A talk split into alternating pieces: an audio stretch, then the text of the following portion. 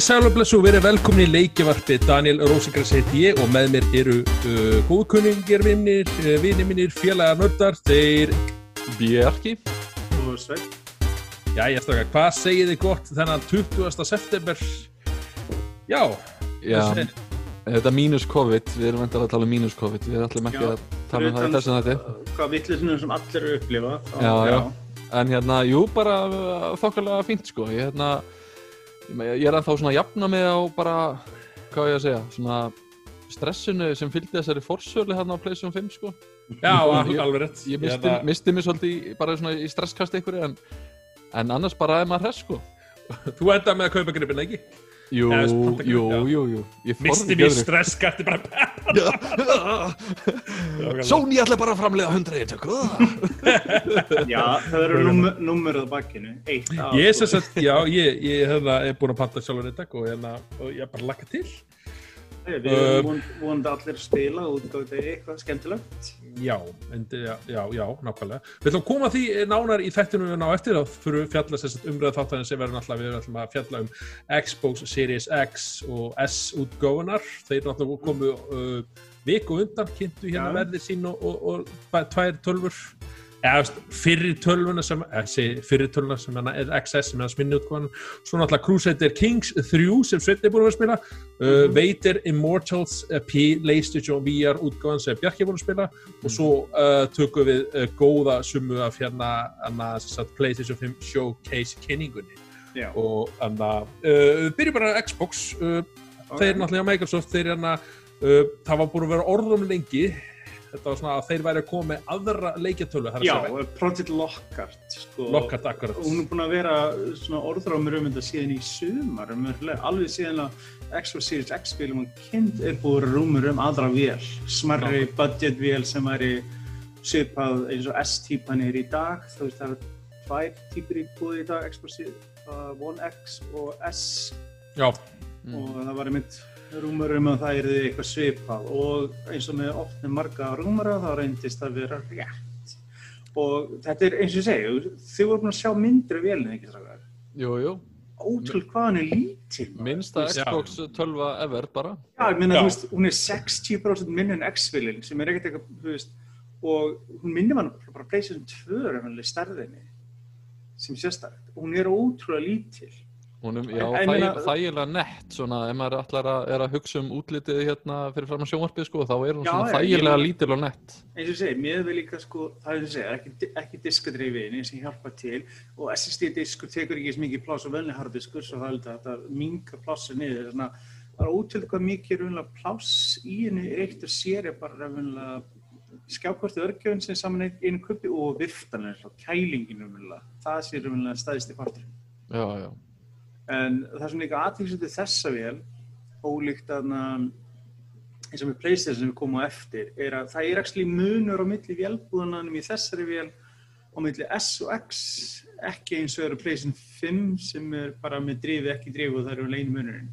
Já, þú ert ekkert að fara á full power hérna sko, þú ert ekki að fá sko, sko það er sko, það er eitthvað eins og sérst að sko þeir sem kannski eru meiri PC og skjákort og svona kannski kannast við, þetta er eins og sérst með sömu típu af skjákorti en bara ekki þú veist, þú veist típuna fyrir ofan og típuna fyrir neðan eitthvað þess að Mhm. þú veist, þeir eru að selja þetta sem digital box eins og svona er ekki með hér og 1440p sko, þeir eru ekki að selja 4K upplifun, þeir eru að selja 1440p eða 1080p upplust og raunverulega upp að 120 rem og Er, max er, er það málið fyrir, þú veist, next, next gen eh, leikjatölvu að vera að bjóða upp á það? Ég veit ekki, kannski fyrir svona Sko, fólk er sem er ekkert mikið að pæla í þessu kannski.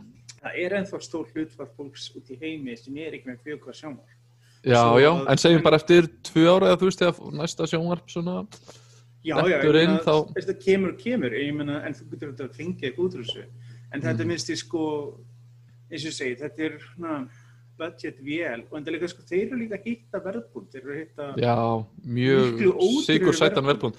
Er þetta ekki fyrsta skipti sem að þessi stóru rísar eru að koma með, þú veist, tvær tölfur strax í Já, upphafi? sko, við Já. fengum þetta NASA þegar það var svo síðustu kynslu, eða kynslu sem er að ljúka núna. Við fengum vélar mittir í fressvélar. Svo Já. það hefur alltaf verið þeman síðustu árin ég ætla svona að byrja frá PlayStation, eða bara PlayStation 1 raunverulega. Við fengum einhverja vélar til að leiða kynnslóðin sem var betri um bæting, kannski smerri, kerði betur, lagaði svona vissa vélbúna vanda, þú veist, PlayStation 2 Slim, þú veist, við vorum alltaf að fá einhvern slimvélar en aldrei eitt meira, en þær voru í eðli sínu sama vélinn. Mhm. En núna fengum við vélar sem voru uppfarðar og betri eins og PlayStation 4 Pro og Xbox One X sem voru kraftmeri vélar, gátt ekki herra upplaust. En Já. núna, eh, sko, er eins og vissuleiti við séum að fá þetta bara strax. Hvernig, hvernig fannst ykkur hérna kynningi samt á þessu? Þetta var einhvern veginn svona, ó, það var óvart skjáskot af einhverju síðu og svo bara kemur eitthvað Xbox á Twitter. Hei, ok, gerum þetta official. Það er og Og- búið þess að var er ekkert þetta hlutum leyndum í dag. Já, já. En þetta var ekkert óla massíf, framkoma, sko. kom hérna frá hérna einhverju Microsoft hérna,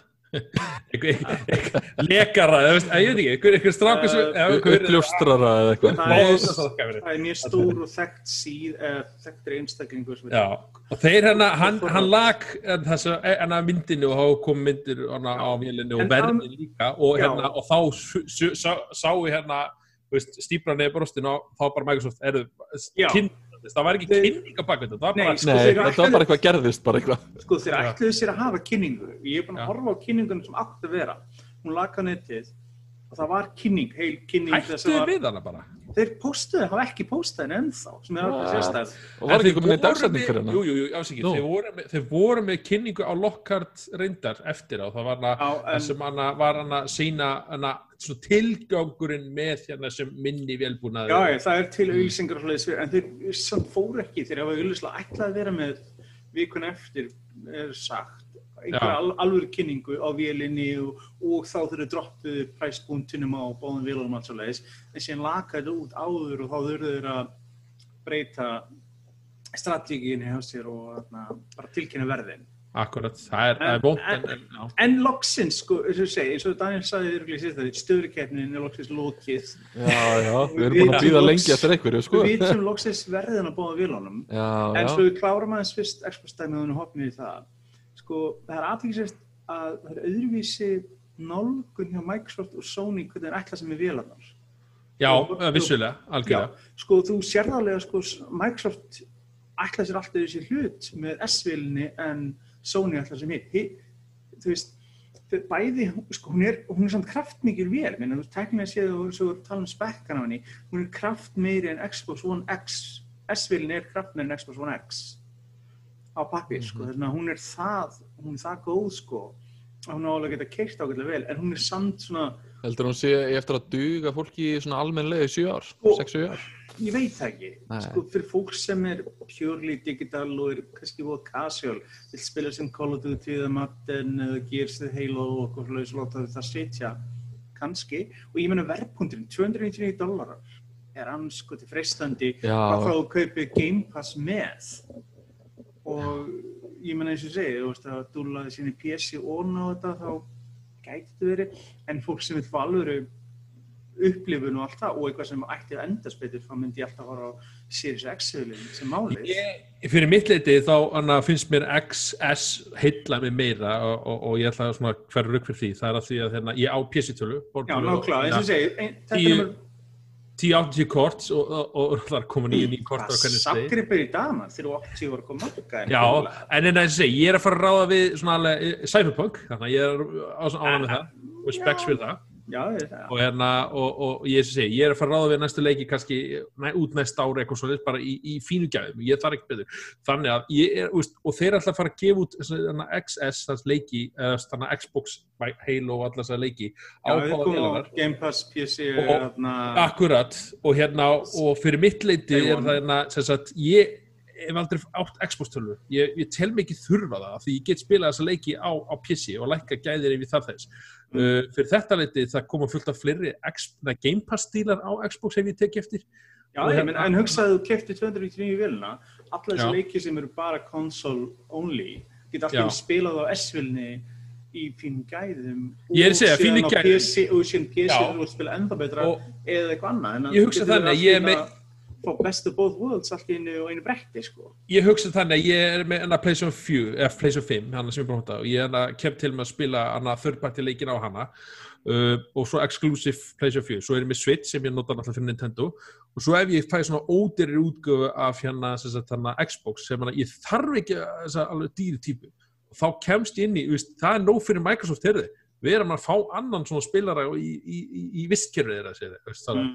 Og það er held ég svona alltaf pínu hugsununa bakvita, veist, ég tel mig ekki þurra kraft og svo kannski, veist, segir bara, ég fíla þessi bara botn og svo bara kemur enna X eða, eða X Pro eða hvernig, hvernig, hvernig fara að gera, þá bara er það, ég ætla að stökka það, veist, það er bara svona Ég, ég held um þetta þessi vel komið lang, lang best út með Game Pass út á Excel-skjali, þú Ok. veist, uh, hvað, ef maður er að hérna, pæla hvað maður ætlar að hérna, nota peningan í og fá mest fyrir peningin þú veist, að, að, að kaupa þessa og, og fá Game Pass á skrift það er einhvern veginn bara algjört gull sko, en, en svo er bara alltaf þetta dilemma, þú veist, maður getur ekki keift allt saman eða, þú veist, ekki allir eða sumir að fyrir eftir hvað er tilbúin að fjárfesta í, menna, tölum að svo líka það, já, Já, ég menna við vitum ekki ennþá verðið á Xbox á Íslandi sko, Nei, nei, en þetta er flott verðmið úti En við vitum samt verð hugmyndir vegna þess að báða vélnar teknisk, þessar stærri vélnar eru báðar á saman verði úti og það gefur ykkur samt verð punkt hérna.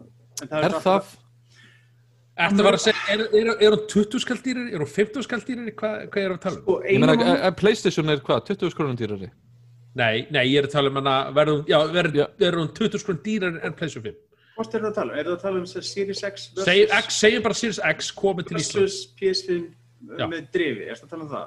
Já, bara, já, Nei, ég held að hann geti ekki verið kannski nokkuð þúskall dýrari mestalagi vegna þess að það kannski innflutningskostnaður eða að hafa öðra krókalegi. Sko munun er auðvitað liggur í því. Það er of, ofnur umbásali fyrir Playstation í Íslandi búin að vera í mörg og, og, og sena að gera það rosalega vel. Þannig að það er alltaf vitamál, hlutinni komið til landsins, það er séð með það.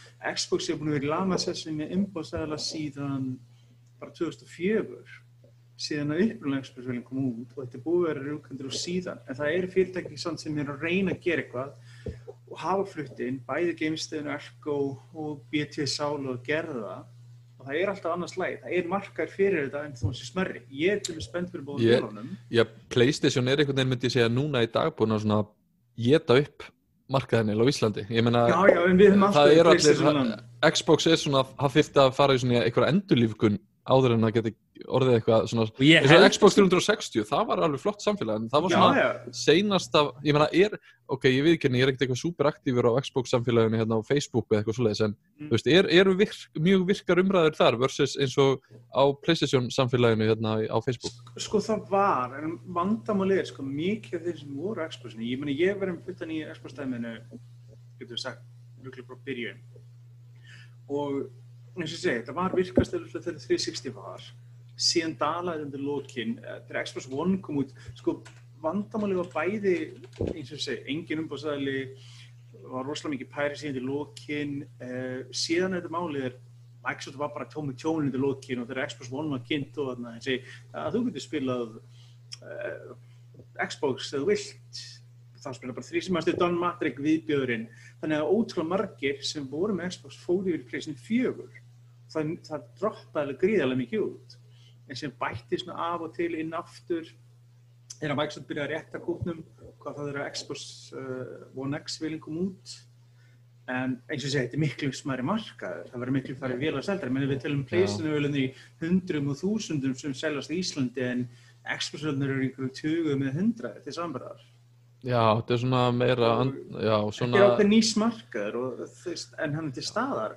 En ég hef trúið í þess að segja það verður velar til landsins og það verður seldar hvernig verður er annar mál. Já, Það er það er einmitt sami ég er að hugsa, þú veist, eh, segjum, ég man nú ekki hvernig dollarinn skiptist þarna á, uh, sem sagt, ef við bara reiknum efruverðið eða UK-verðið yfir í íslenska krónur, hvað, hvað er verið að bæta mörgum þúsundköllu við hérna á Íslandi, er það ekki 15-20 skall, er það, ekki- eða, hvað var það? þetta eru álögning, gjöld Já, hvað, maður vinnaði hvað það var í hildina, ef, ef við miðum við verðið bara í Evrópu.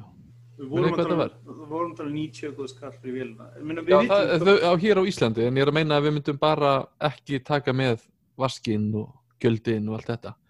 Þú veist, að því ég er nokkuð viss um að þessi mismunur verða ennþá herri í á Xbox-vélinu, sko.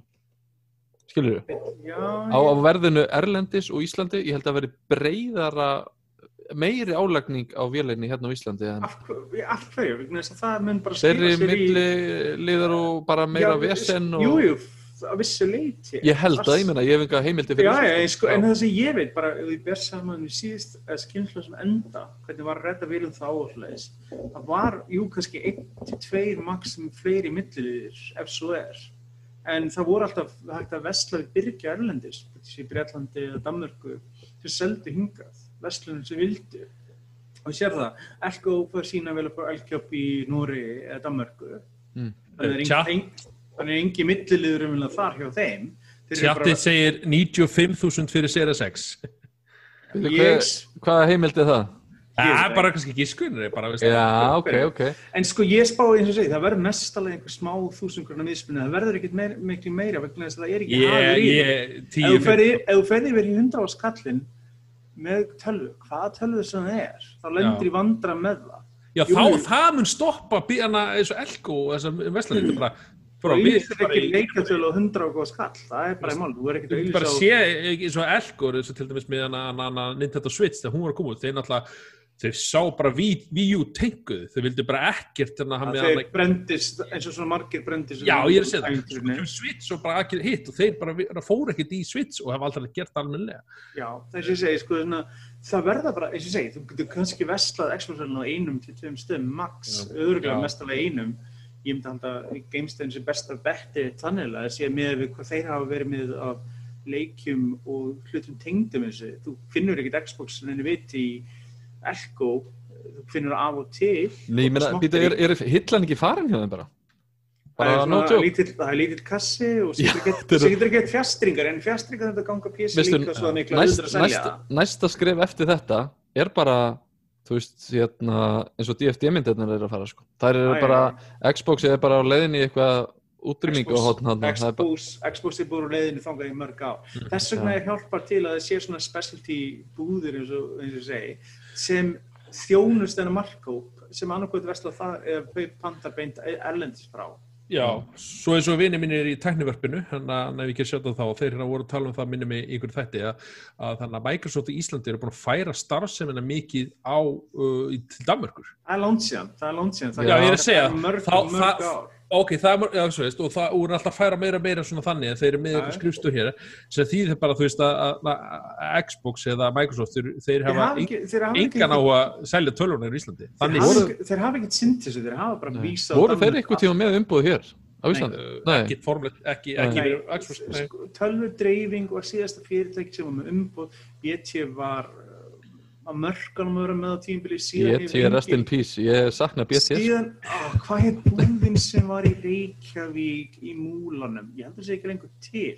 Hún var og seldi Xbox-hluti ó, hvað heitir hún? Kannast ekki við. Tæknibúð og gætibúð og sjómasbúð hún var, Ráland, nei.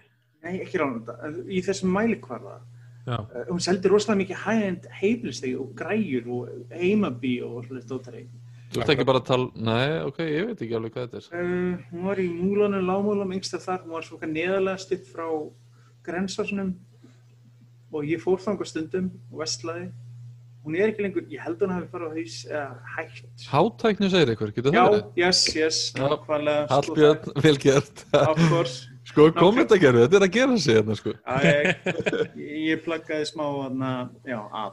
Eins og ég segi, og síðan eins og ég segi, þess að þeir voru, og síðan eins og ég segi, það er það. Ég, ég, ég, spá, ég spáði nokkuð þúsund krónur ekstra kostnað, en það verður aldrei 15-20 skall. Það er bara, eins og ég segi, þá ertu að skjóta þig fótinn, þá er hann sleppt þessu. Já, Vegna þess En- að það ert ekkert að græða neitt á þessu að selja þetta, þá sittur bara uppi með þetta vegna þess að þegar þú ert að flytja svona inn þá getur ekki skilað eins vélunum og ert í stöðurins pakka, þú verður að selja þetta Já, þá er það er fyrir haga að reyna að selja þetta þannig að það sé minnsti kostnaðurinn fyrir þig eins og mögulega er hægt akkurat. En hvað segir þið hérna uh, Xbox, ef við svona ljúkum þessar umröðu okay. Xbox X, Xbox Series S og Xbox Series X hvað mun að, hver hver er verðmiður á Íslandi? Bjarki, go Herðu, ekkert go, bara hérna, hvað, nú þarf ég að fá að hugsa, hvað er eftir hérna vermiðin á í evrósku markaði? Hvað er? 299, Nei, Var ekki 299 efrur eða? ég er ekki alveg með þetta Jú, Uh, sko, ok. Nei, það var að, var að UK. uh, pund? Sko, þeir eru búin að gefa gáðu til maður verðin og öllu, í öllu já. mörgum. Ok, 20, já, 299 pund er allavega 53 skall í dag, þannig ég ætla að segja uh, ansinn óþægilega nálagt 80 krónum og fólk fyrir að segja, hei, á þá ekki bara að kaupa PlayStation 5 digital Það að tala um að S-vilin kosti þetta? Já, Nei, god, nei, heldur ekki? Eh, Ég veit ekki, sko, verði... NX Björk- Björki Uh, hún verður á 100 og, og 10 til 20. Ok, ok, ok. Uh, Sveit Max 95 eða svona hún verður á sama verð á Playstation. Eða munar ekki nema kannski nokkuð þú skalli ég, ég, ég ætla að vera djarfur eða djarfur, ég ætla, að segja. ég ætla að segja að Xbox X- XS verður uh, 70.000 69.000 komin inn í Íslands og verðmiðin á X-inu verður, já, 110 Mér Og- sér það að og hald- 4 Já. Og haldið að að alla veslanir selja þetta, þetta verði bara geimstöðinu? þetta, þetta verður mest geimstöðin og mest. Elko út af Já. þeir geta flutt inn frá Elkjöp Elkjöp? Vótafók kannski? Nei, Já, Vodafone. Já, eða sími, nei, ég held eins og segja Elko og geimstöðin kannski heimkaup þeir hafa selt á og til. Já, en það er ekkert mikið meiri það Costco kannski?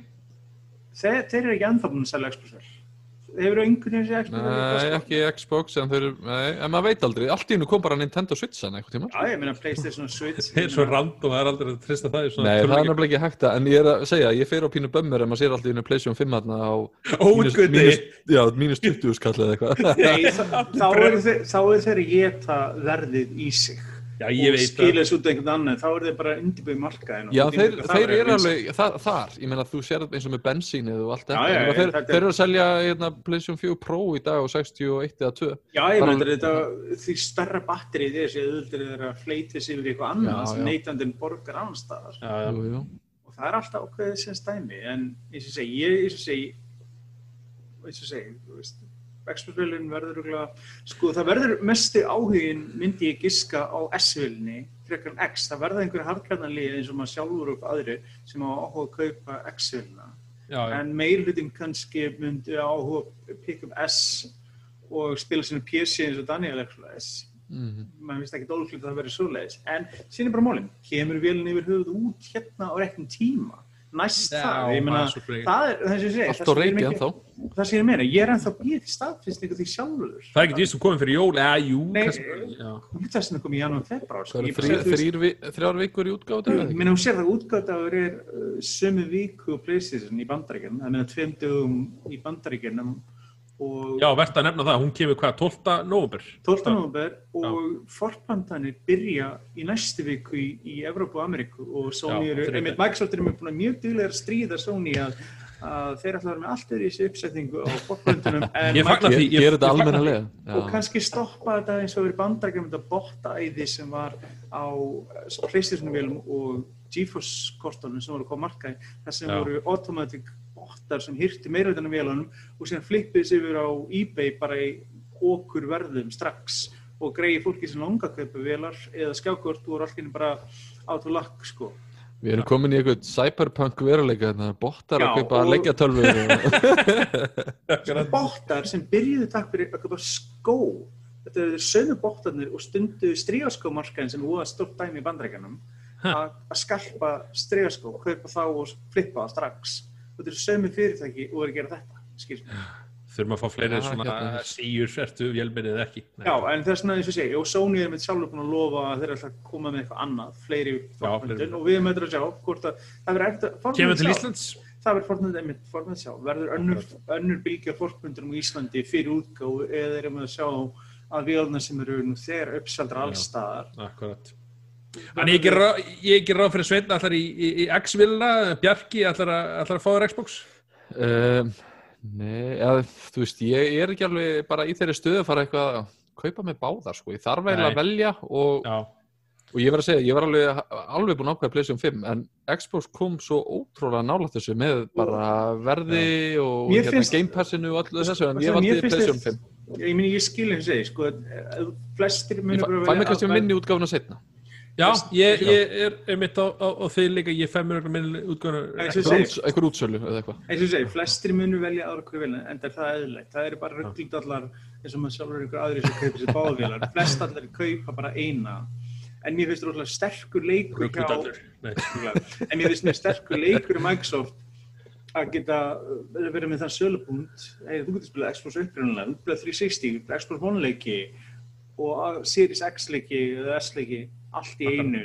Og þau getur betur, ég er rosalega spenntur að býða til kynningu fyrir Microsoft dæmi þau sýnir hvernig gömleikinni keira á nýjavölni sérstaklega eins og þeir eru búin að tala um að þau keiri betur, keiri herri upplöst og hvað þá, og það verður með þeir eru búin að þróa einhverjum tækni sem bæti við HDR litum í gamla leiki. Getur ímyndað að spila gamla Xbox orginaleik eins og Black eða allt einu með HDR í 4K Já, ég nefnilega er ekki þarna. Ég, Ég hef ekki tíma að spila spil- gamla ég sp- Já, ég nefnilega spila nefnilega, ég held alltaf að ég myndi spila gamla leiki en ég spila rosa lítið gamla leiki Ég fer alltaf, það er svo mikið að nýju dóti að koma ég nægir sig ekki. Ég hef gaman að kíkja hann að slæði og sérstaklega þegar þetta er jafn auðvelt að alltaf einni vel ég þarf ekki að tengja fjóra fimm velar Nákvæmlega. heldur bara ekki stungja einni vel er diski. stór pluss og hún sækir við þetta útgáfi fyrir vélina sem ég er að keira á saman hvaða vél það er Mhm. og nokkuð stuði síðar er ég bara spilandi leiki í best, ég meina að spila Heyrðu.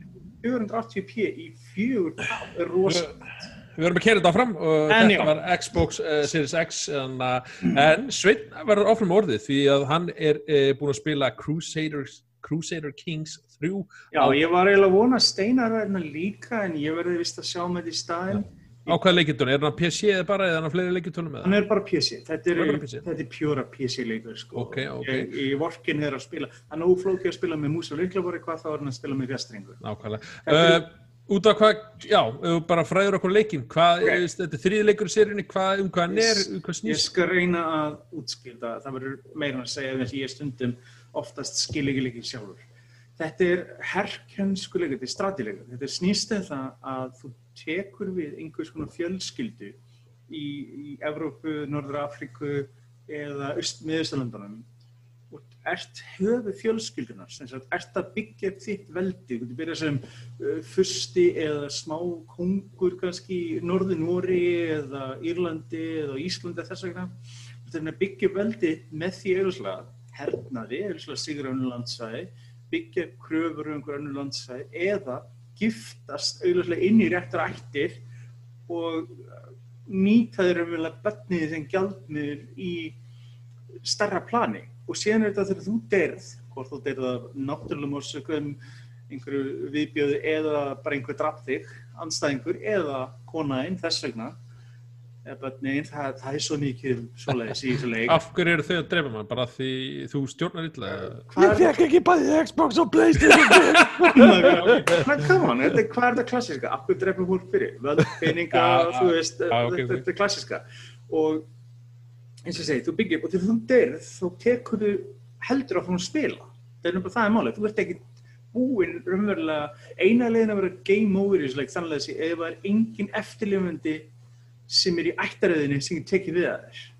En þú getur byggt þetta ekki konusíki. Er það byggt á hefðaröðinni, er það byggt upp á kostningu, þú getur búið til, en síðan fer þú til svo mikið, sko, mér leið á köplum, sérstaklega þegar ég var að spila hann á tímu tímu í þessu, þá leið mér pínu þess að ég þurfti að fara í svona Ace Ventura styrtu úr klór og skrúpa mig eftir á, vegna þess að, sko, sumar fjölskyldnar, na, þeir sem kannast í sögu, vita sögu Evrópu, konungsfjölskylda er svolítið litrík og ógeðfæld og innanhús og mjög mikið þetta stunda þetta halda viðhalda bláa blóðinu þá var fólk að giftast innan fjölskyldunar hreinlega bara sískinni og allir þá.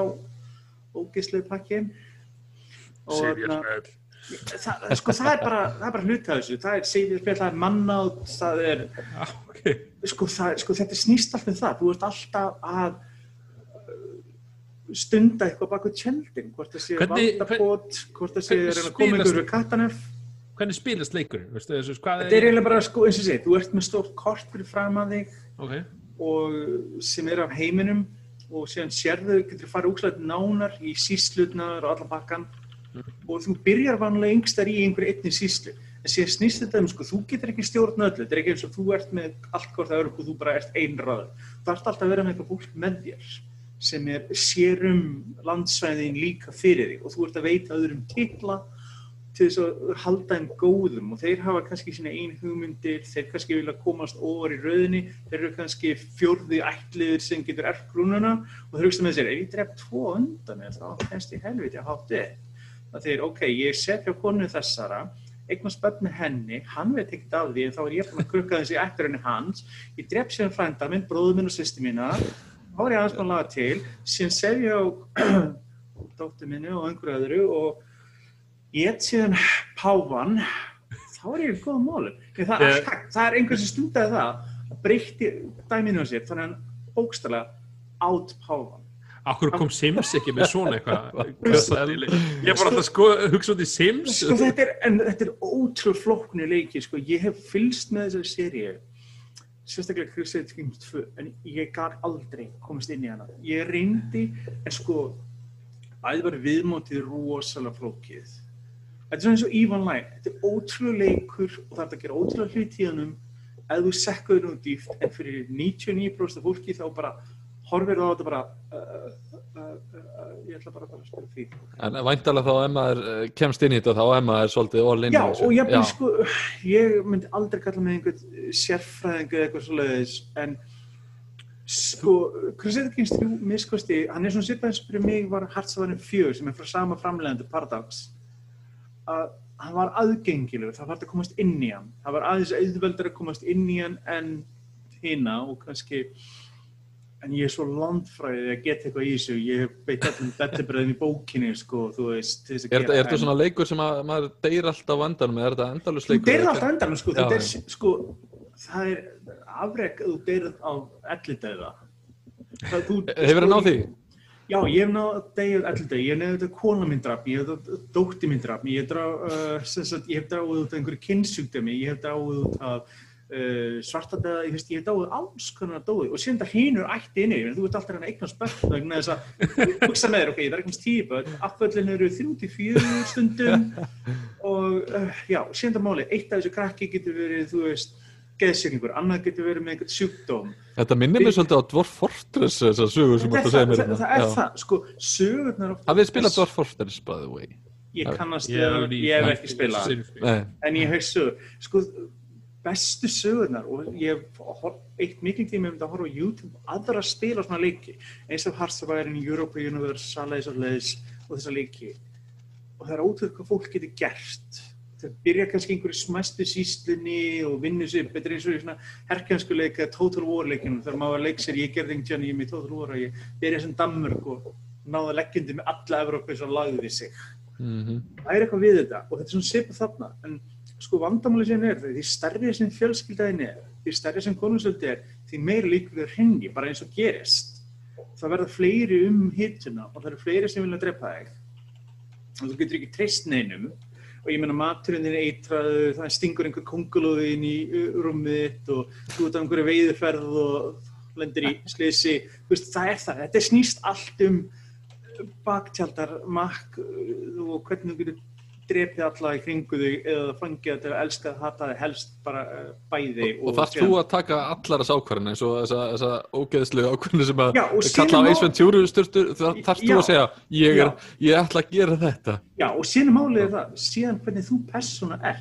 Þú ert með ákveður svona persónuleika traits og þeir stjórna þér. Þú ert með svona stressmælir og ef að þú ert ógustlega heiðalegu sangið típa, þá virkar ekkert vel að þú ert að setja allavega óvinnin í fangilsi og, og pynta þá og gelda þá og, og blinda þá og hvað þá geta þá. Virkar Já. rosalega saman. Síðan er þetta komið trúa brinni þetta. Ég meina, viltu búið til bókstafstrúa brög sem stjórna að landinu fyrir þig eða ekki, sem þetta berjast í þetta en að ítöf menningulegum áhrifin þínum, þetta er eins og virkilega fucked up útgáð Civilization veist, já, með tilkomi í Sims og fleira og sko mér leið og köflum eins og ég segi, ég þurfti að skrúpa líkam og sál eftir að spila hann leik og og já, hva, hvernig, hvernig típ ert þú í leiknum? Hvað, ertu bara svona prófað áfram eða ertu svona, ertu ég- púki?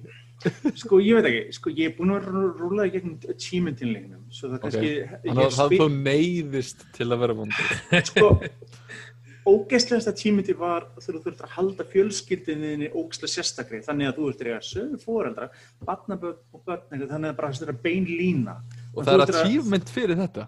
Ó, Já, þú þurftir að Gott Já, Það sit- sit- þú veist, sko, þegar, sko, eins og ég segi, mér líður ég sittir að bara til salfræðings og gefa mig fram til löðurglunum eftir að spila þetta vegna þess að mér líður pínu eins og ég sé hafi gert eitthvað rám þó þessi töluleikur og ég bara, já, ég var ekkert, ég leikir það svolítið vel, svona, ég var eiginlega að Nei. vona að steinar var einn að ég geti íttist yfir að handpínu og, En ég meina svona já. var þetta oft bara en, en, já, ég, þetta Já. er svolítið og þetta byggir á rosalega merkilegum grunni og allt svolítið, en sko fyrir það sem er gaman að herkjusku leikjum og svolítið, það er ótrúlega mikið uh, hægt að fá þessu, ég meina það er ótrúlegt efni, þú byrjar 867 og leikurinn rúlar til 1450 mann rétt, en þú getur byrjað sem bara vikingar og ráðist að England og tekið þátt í Normannin ráðstinni og ákveðið, heyrðu, viltu bara englendingur, þetta er þjóðverið, þú getur breytt trúabröðinu, menningunni, öllu saman, óná, allt Já. þetta, þannig að það er bara hvað þú Það vilt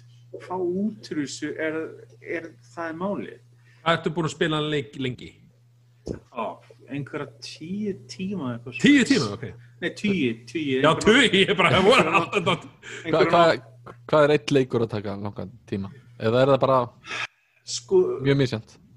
alveg einhverja, einhverja klukkutíma ef ekki meira, ég menn, þú, eins og segið, þú getur byrjað 867 til 1450.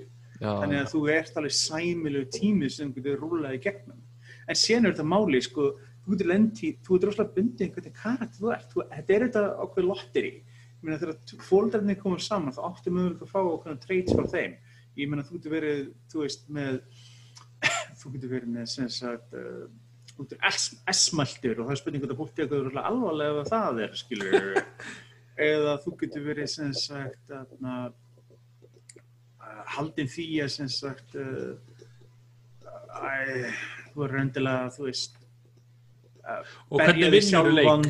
Er það bara að ná heims yfir á því uh, vinna og ekki vinna leik Er hægt að vinna þennan leik? Hljóma Já. pínu, eins og sé ekki Nei, þú getur, vinna. þú getur þetta lagt undir allan heiminn, þú getur þetta lagt já, undir allt frá Íslandi til, verkefni. til Kína og alveg til sem Já. sagt að Bara hvað þú ákveður.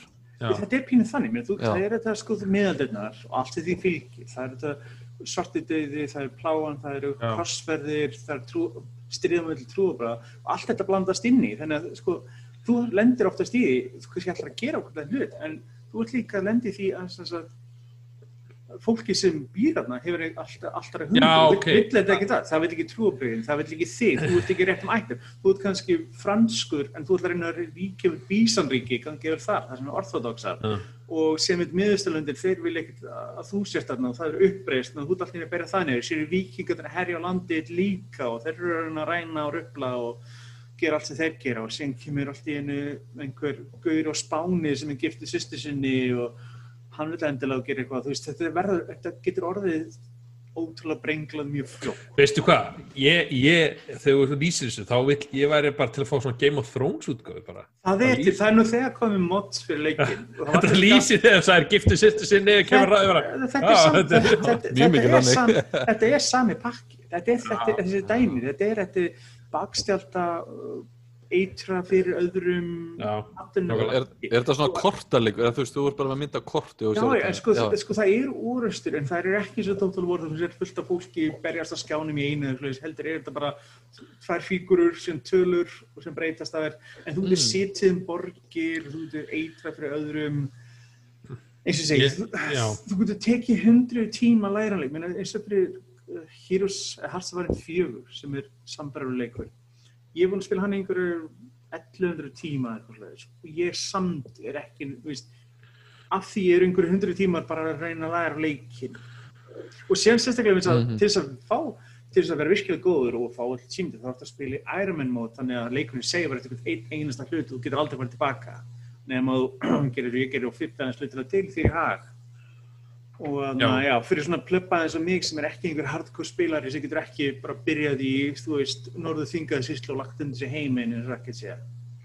Mér fannst hérna spjalli var að benda, mér fannst að vera að tala um hérna að tæki 100 tíma að spila leikin eitthvað, en hann segir hérna, ég held að þessi leikur tekur á loft eftir svona 100 tíma. Já, er sko gefðu hún smá sjans Sko, fyrir bara spila í 100 tíma og svo Sko, verður hann góður eftir. það- Ég, sko, ég get ekki svona þegar fólk segir þetta Horfðu þess að sjónsæti, þetta er glataði fyrstu og önnu serja en þriðja serja, vá Já, ég get ekki Já. svona. er En þetta er fyrir svoleiðis, þólum að... og þetta er málið sko það ég, ég heitlaðist af þessum leikjum fyrst þegar ég horfði að spila á YouTube sérstaklega þar sem var. Ég horfði á einhvern developmentar sem fylgdist með fólki spila og var alltaf hmm, ég er úrslega gaman að sögur svo þess vegna höfðu þetta tími. En þetta er rosalega erfið leiki ég er búin að lesa wikis, ég er búin að horfa á YouTube ég er búin að lesa svona greinar og tips og tricks, þetta er svona þetta er hvað þú vilt sakka þetta í fríð og ég var aldrei nefnir einhver hobbyisti sko, ég þú kalla það þú veist að, já. Fyrir hvernig er leikurinn? Mælur með þeim? Uh, fólk sem, ég veit ekki, uh, hefur gaman að sögu, Mhm. hefur, ég veit ekki, ég veit ekki hvað, hvað maður segir um siðfreskend fólk sem spilar þetta, um, sem á uh, góð styrtu og tilbúið að tala við prest eftir að spila, ég veit ekki. En ég, ég minnst ekki búin að geta páan, ég verði um það, ég er ekki búin að eitthvað það, en, Já, en ég er búin að lesa greiningu sem gerði það og mér fannst það reyndar ótrúlega fyndi og það er svona sögur sem hefur svo gaman að lesa aðra að gera. Og þeir eru mjög duglegir, Partags er mjög duglegir að uppfara leikina sína og gefa þeir eru stundum aðeins og duglegir eins og það er alltaf til tíu aukabakkar fyrir þessi leiki eftir einhver ár.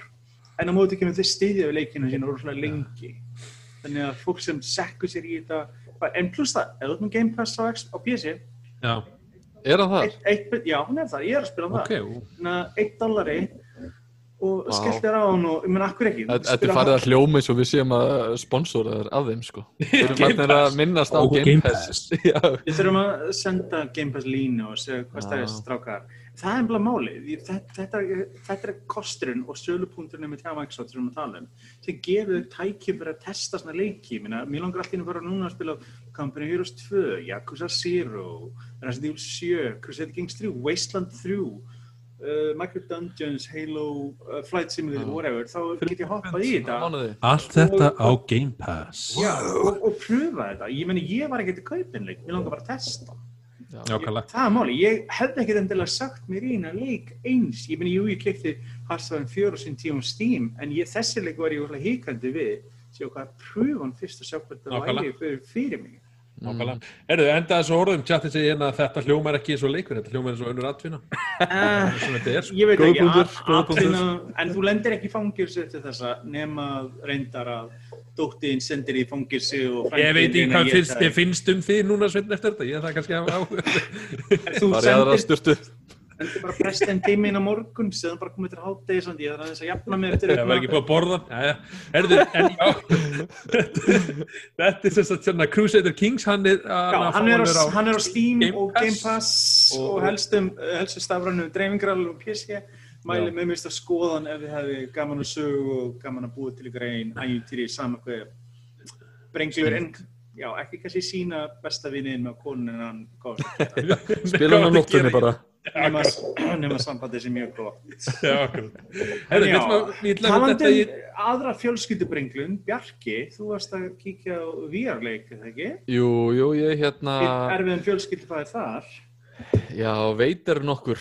Það var Mhm. hérna, já, veitir immortal. Það er hérna, var, ég var sem sagt að dempa mér í hennan VR-leik, ég spilaði hann á PlayStation VR mm og hérna ég sagt er bara nýbúin að tengja tölvuna hérna eftir að ég flutti PlayStation tölvuna og, og það er svolítið, sko, þegar maður er búin að tengja PlayStation VR við tölvuna þá, þú veist, maður sér valla PlayStation tölvuna, það er svo mikið að snúrum og drasli þarna, maður er svona, wow, ok, nú ætla ég að spila alla leikina. ég er búin að, að vera að kaupa svona leiki á tilbúðum á til VR-leiki þú veist, þegar ég tengi þetta næst. Þannig að núna er, verður þetta bara tengt og ég er að fara að spila en, en já, ég, bara, ég var bara alltaf að hugsa um Crusader Kings í VR, ég bara held ekki þetta ekki. það var eitthvað svakalegt maður, ég held að það verður nú bara eitthvað já, bannað eða eitthvað. En, en, en hérna, já, þetta var uh, sem sagt, þetta er uh, veitur immortal og maður er hérna ég sko náði ekkert að kynna mér eitthvað svakalega svona uh, útgefandi leiksins og allt þetta en ég sá að leikurum var gefin út á Oculus uh, 2019 Já, ég, þetta, þetta er svo þrjú episód, episód 1, 2 og 3 og hvert episód er, ég manna ekki 20-30 mínútur eitthvað svo leiðis og hérna og ég myndi ég var að spila leikinn þá var ég bara hérna vissi ekki alveg hvað að halda vegna þess að sko lúkið á leiknum er svakalega töff og Þetta er gert af ILM X Labs, þetta er ILM. Takk fyrir þessum Já, hver er þetta? Ég veit það ekki. ILM, veist þið hvað ILM er? Nei. ILM er Industrial Light and Magic. Já. Gamla Lucasar sem býti í Já, Special veit það, ok, það meika sens. Að hérna, já, og lúkar svakalega vel, en holy moly, bara, ég veit ekki hvað, hvað stjórnunin í leiknum er Mm. ræðileg. Já, ok. Hún er sko, og þetta er vist eitthvað sem að Oculus notendur tóku ekki eftir en sem sagt, allt sem er í leiknum, þú veist, útlitið og þú veist, uh, hérna, upplifinum og allt þetta er geðveikt töff og að vera með geislasverð í höndunum og berjast þetta er geðveikt sko. Og, hérna, og ég fílaði það í klessu en það var rosalega oft sem maður var að lendi því, þú veist, að hendurnar, hérna, sko ég byrjaði því sko að, sit, að sita. Mm. Og var bara sitjandi af því ég vissi ekki alveg við hverju þetta búast. Og maður var ekki að sitja í þessum leik það, það er búið upp á það, bara alls ekki gera það. Þannig ég stóð og þá er þetta svona pínuð þú þarft að hafa herbyggju, þú þarft svolítið að geta lappað um og svona, Og hver en ég var mjög ofta að lendi því að hérna á vegnum ætti að, að setja eitthvað, sko, eitthvað líkil eða eitthvað og þá bara stoppar nefinn hér. Og ég, ég með höndina, sko, ég er að setja áfram hann stoppar bara hérna og ég er eitthvað að reyna að setja í hínu höndina og setja hérna áfram og þú veist og stundum það einhvern veginn þegar maður er að lappa áfram þá er maður alltaf komin inn í golfið og maður er einhvern veginn hausinn hérna neyðri og höndin út úr öxlin á manni og maður svona hvað er að frétta hvað er að þetta er eitthvað, er þingdæmi eða eitthvað þetta er bara mjög furðuleg upplifun en Þetta vandamálið þetta við PlayStation uh, VR að það er bara já, ekki nú marga, það myndavelar sko. Þetta er bara þú það. ertu með fleiri myndavelar sem taka rýmið já, og örugglega gera miklu fælir að detekta allt en þarna ertu bara með eina myndavel fyrir fram að þau búið og sér hann eins og heldra var það ekki. Jú, ég mitt bara eftir að ég var búin að, ég náði ekki alveg að klára ég ásett eftir hérna að loka bardagan og eitthvað en ég prófaði bara að tjekka, heru, hvað er eiginlega að fá á netinu? Því að þú veist, þetta er svo, ég fæði svo blenda tilfinninga með hennar leik. Þá er hann að fá 90 eitthvað prósent, þú veist, O- Oculus en 60 eitthvað prósent á, á PlayStation Já, sem segir svolítið mikið um mismunum og Já, upplifun þannig að þetta er, ég held að þetta sé einmitt mjög solid og flottur leikur en útfæslan fyrir PlayStation VR er bara, na, Já, ekki alveg að gera sig. Þannig að ég þurfti bara með helmingurinn af spilunni hjá mér var eitthvað skemmtilegt og gera eitthvað búm bíng bang eitthvað. En hérna og berjast með gislasverði en hérna hinn hin helmingurinn var í rauninni bara ég að, að berjast við eitthvað tæknileg vandamál sem var, sem var hérna freka pyrrandi sko. Já, ég eins og segja, það er aðeinsveit upplifun fyrir því ef þú kemist í PC upplifun og spila það til að bera saman, skilur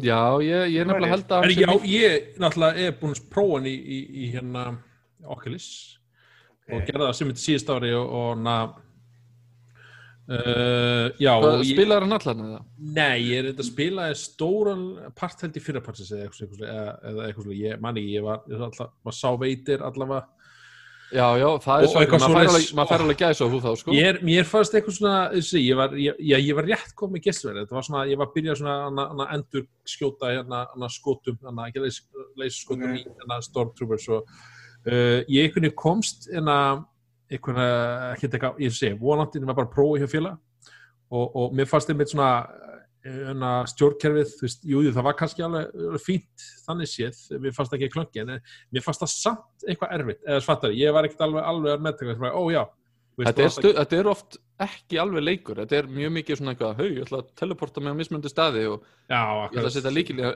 en eina, þú veist, ég myndi segja hvert episode 20 til 40 mínútur, þá er actually leikurinn, þú veist, í hverju episode kannski 5 til 8 mínútur. Það sem þú ert að nota geislasverð, þú ert að gera eitthvað skemmtilegt, allt hitt er þú að teleportast og klifra upp og þú veist, þú ert að klifra upp eins og stiga, þú ert að gera svona, maður, ég man að hérna, þau gerðu þetta mjög vel hérna, með Everest VR-leikin hérna, uh, Reykjavík Studios og, og hérna uh, Já, þarna íslensku stúdíóin en þarna þú ert að klifra upp stiga sko, þá ertu einhvern veginn hér og svo ertu hér og ertu einhvern veginn bygglast og þetta er bara, Já, ok. maður dettur mjög mikið út úr þessu þetta þegar að allt er svona útfæsleinu svona missefnið einhvern veginn já, það er rétt út, rétt svona uppsetupið, þetta er örugglega frábær skemmtileg upplifun en eins og segi, eins og búið að tala um okkur, finnst pínu vanta uh, finnst vanta sem sagt uh, næstum fyrir PlayStation VR, mér er þetta spenntur að sjá næstum fyrir Sony með þetta. Já, já, hvað var þetta að gera? Þess að við býður upp á greiðlega möguleika undir eftir kringustæðum en, en hardverið eins og maður segir er ekki alveg ennþá Akkurat. Uh, ég, ég, ég á sem sagt ekki, neina, við, við erum greið sjálfur, ég er svona, þú veist, mér hef alltaf verið svona, ég, ég fikk ég svona fórhundið, fórhundið að spila þetta hjá vín, þannig að ég var svona, maður prófaði svona bestu leikina, prófaði að spila á gegn, og bara, ah, þetta var gaman, þú veist, já, já, eitthvað, þú veist, og, og mér þú veist, það, það er engin ykkur víaleikur sem er bara gæði, þetta þú verður eitthvað stennan, þú veist, til að kaupa víar. En ég er einmitt, ef við, við tölum aðeins um PlayStation VR, þá er mitt þarna, þú veist, hlakka ég til að sjá hvort að Sony næst komið næsta ára með hérna VR 2 sem ég alveg, ég var á. Og, og, Já, á mér um þá. Ég var líka bara borðin, það var búið að segja held ég að PlayStation VR eigi að virka 5 já, maður hugsa, hardulegu séð græðir það alveg á þessu en vandamálið er samt að skjárin sem er í glerunum er ekki nú há upp já, ég hugsa það. það Ég, þarf eiginlega að græja hann ég meina þó sko, Já, þegar ég mitt kefti mér PlayStation VR þá var ég búinn að prófa, þú veist, uh, HTC Vive og Oculus og allt þetta flotta og góða, svo fór ég Já, í þetta og þá er ég svona, hvaða gemsa dæmið þetta Já, maður? þetta er eins og fósti, fósti vina, eins og Kiktra Crisis í denninu, hann er alltaf besta dæmi, sér já. heim og spila þetta kartabuninu og bara, Hvað? Hvað er ég að spila þetta í 640, 180 Já, í þetta er pínu 23. þannig, en núna hef ég ekkert spilað annað VR í marga mánuði og núna sett ég á mig glerugun og þá var ég alveg bara, nei, þetta er bara actually svolítið skemmtilegt, sko. og þetta er rosalega góð hugmynd hjá Sony sem er langar að segja að fylgja eftir. Vandamáli sem þú hefur verið að Sony þegar að koma okkur góð hlut en ekki fyllt á nú eftir. Já, ég þeir er hafa, vonaður hætti, hætti ekki núna heldur haldi áfram og byggja á þessu að það eru spennandi möguleikar sem er hægt að gera með í framtíðin sem það er gaman að upplifa ég held að einmitt, það sem stoppa langt flesta sé bara verðmiðin, sko. Þetta er hérna stó, stórt, svona stór verðmiði fyrir fáa leiki sem er sérstaklega á vegna þess engin... að það er engin upplifun, það er engin að að Nei. spila, minnum þú gæst spila Resident Evil 7 í, í VR en hver hefði höndlað það allan tíman sko. svo maður að- þetta ofta á sölum bara á, á hérna, hérna í, á Íslandi, það er alltaf eitthvað lítið notað og, og Já, þú veist, fólk er að kaupa þetta, spilda nokkur sinnum, pröfa eitthvað dæmi og síðan selur þetta vegna þess að það sér ekki fram á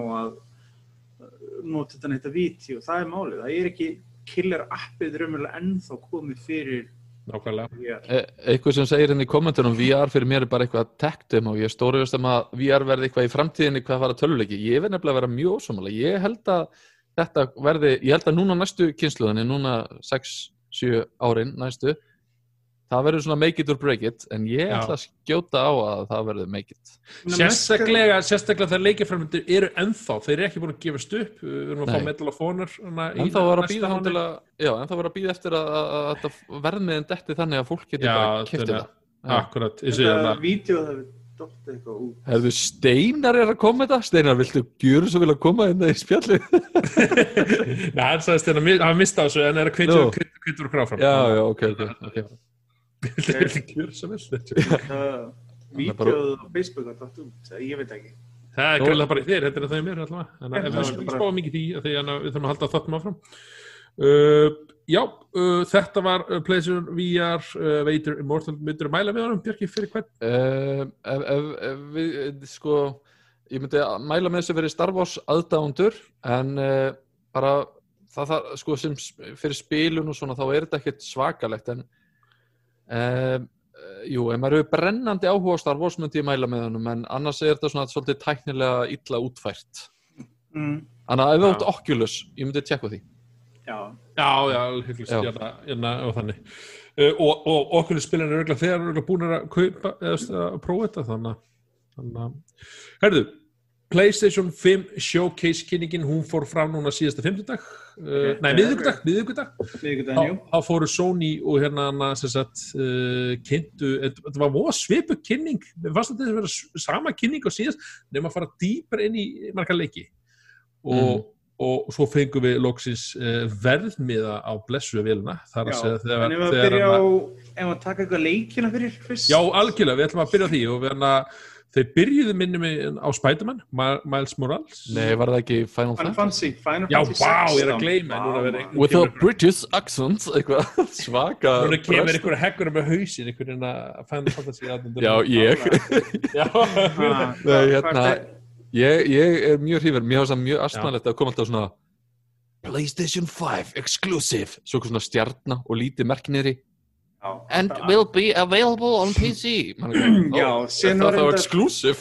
Þetta er svona eins og þegar console trailer- exclusive. Já, þetta er svona eins og það bíómyndirnar komu með trailer og komu Only aðeins í theaters. bíó eða only in cinemas. Maður er ekki, ha, Já. býtu myndir bara í bíó og svo aldrei á DFD eða og svo var þetta ekki þannig. Mér finnst þetta að vera, að vera svolítið blekkingarleikur sko. mér finnst þetta ekki að vera exclusive þeir segja uh, console exclusive að því sko já, console exclusive. Já, að- console Já, já, já, já, það stendur já, console. ok. Já, þá, þeir segja þá það er að ég bara sko að röfla já, hana, hana, Xbox og, og, og, og er Sony, sko.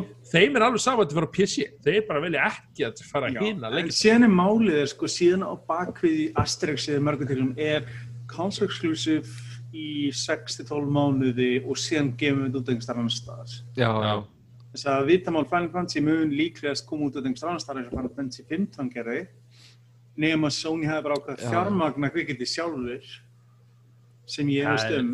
alltaf búin að vera uh, Square og alltaf Sony alltaf búin að vera undir sæng lengi Já, já, en Final Fantasy 15 Einhver kom PC og Xbox og Ég- ég, ég- held ekki ég- að ráka það. mér, mér finnst það mjög spennandi sko, ég er mjög spenntu fyrir þessum leik en það var svo loksins fáum við fantasíuleik ég byrði alltaf eftir ég byrði alltaf eftir að viltu bíl myndi koma keirandi gegnum hana, hana, hana veggina og þú veist alltaf höldum að fara frá fyrir síðan leik þetta. En já, leikurinn leit vel út, ég hef ekkert mikið fyrir Final Fantasy sjálfur en ég get metið fallega leik eins og maður.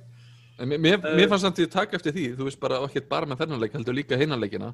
Ég held að það sé milli kynnslóða minnsta svona sem maður sér grafíklega stökkið. Man finnst maður ekkert verið bara, ó, vá, ok, þetta er ekki hægt eins og PlayStation maður 4. hefur oft verið Já, hingað til þess, þessi kynnslóð er búið rosalega skrítin og við fengum þessar millivélar sem annars, sko ef við hefum ekki fengið millivélar þá myndum að finna sem við erum verið meiri, já, ekki kannski ekki spiltingendi en samt aðeins meiri, en núna er maður bara svona, hm, jú, ok, aðeins betur, aðeins flottari, fleiri fættar á skjánum en samt ekkert eitthvað, hm, Verða kannski mjög flottar eftir fimm ára, mér finnst ofti að vera að kynna þessar nýju leikjartölur, þá svona, Við Þá kemur svona bara, "Vá, ég undir þetta." lókin, ég meina hi- hinga til hefur hefðin verið að við sjáum það besta úr vélunum rétt undir lókin Mhm. það var það með pleysin 2 og pleysin 3 bara flottustu leikir sem voru komið undir lókin og þarna en núna, ég meina, þú sér, við vorum bara Last of Us 2 og Ghost of Tsushima það voru svona síðustu leikinir á mm, PlayStation 4 gott en og samt- voru líka svona aftarlega þarna. Já, en síðan allt í já. koma, en síðan kemur Spider-Man á PlayStation 4 líka Já, og já, þú veist, það tvinnast leikir, saman. já, þetta er verið skrítin leik uh, kynslu og skipti, það er aftur múti frekari horfur á Demon's Souls endurgerðina, hann kemur bara á PlayStation 5 Nákvæmlega. En tölum aðeins, já, tölum við það því að sko, hana, að því Sony voru lengi búin að segja, heyrðu, hana, Horizon kemur á PlayStation 5 ég, ég, veit ekki hvað þessi öngung, eingöngu, en þeir voru ekkert búin að minnast að 4 útgöna, svo spæti maður líka, og svo núna bara sístöku, já, þessi, allir þessi leikir þeir koma líka Þetta, 4. er- þetta er voðalega skrítin útsetning hjá Sony, sko, þeir eru búin að tala um þessi kynnslóður og skiptingu og síðan allt í hennu, já, stæðstu titlarnar okkar verður líka til á PlayStation 4. Þetta er svona, ég skilða vissilega eins að það gríðalegt magna PlayStation 4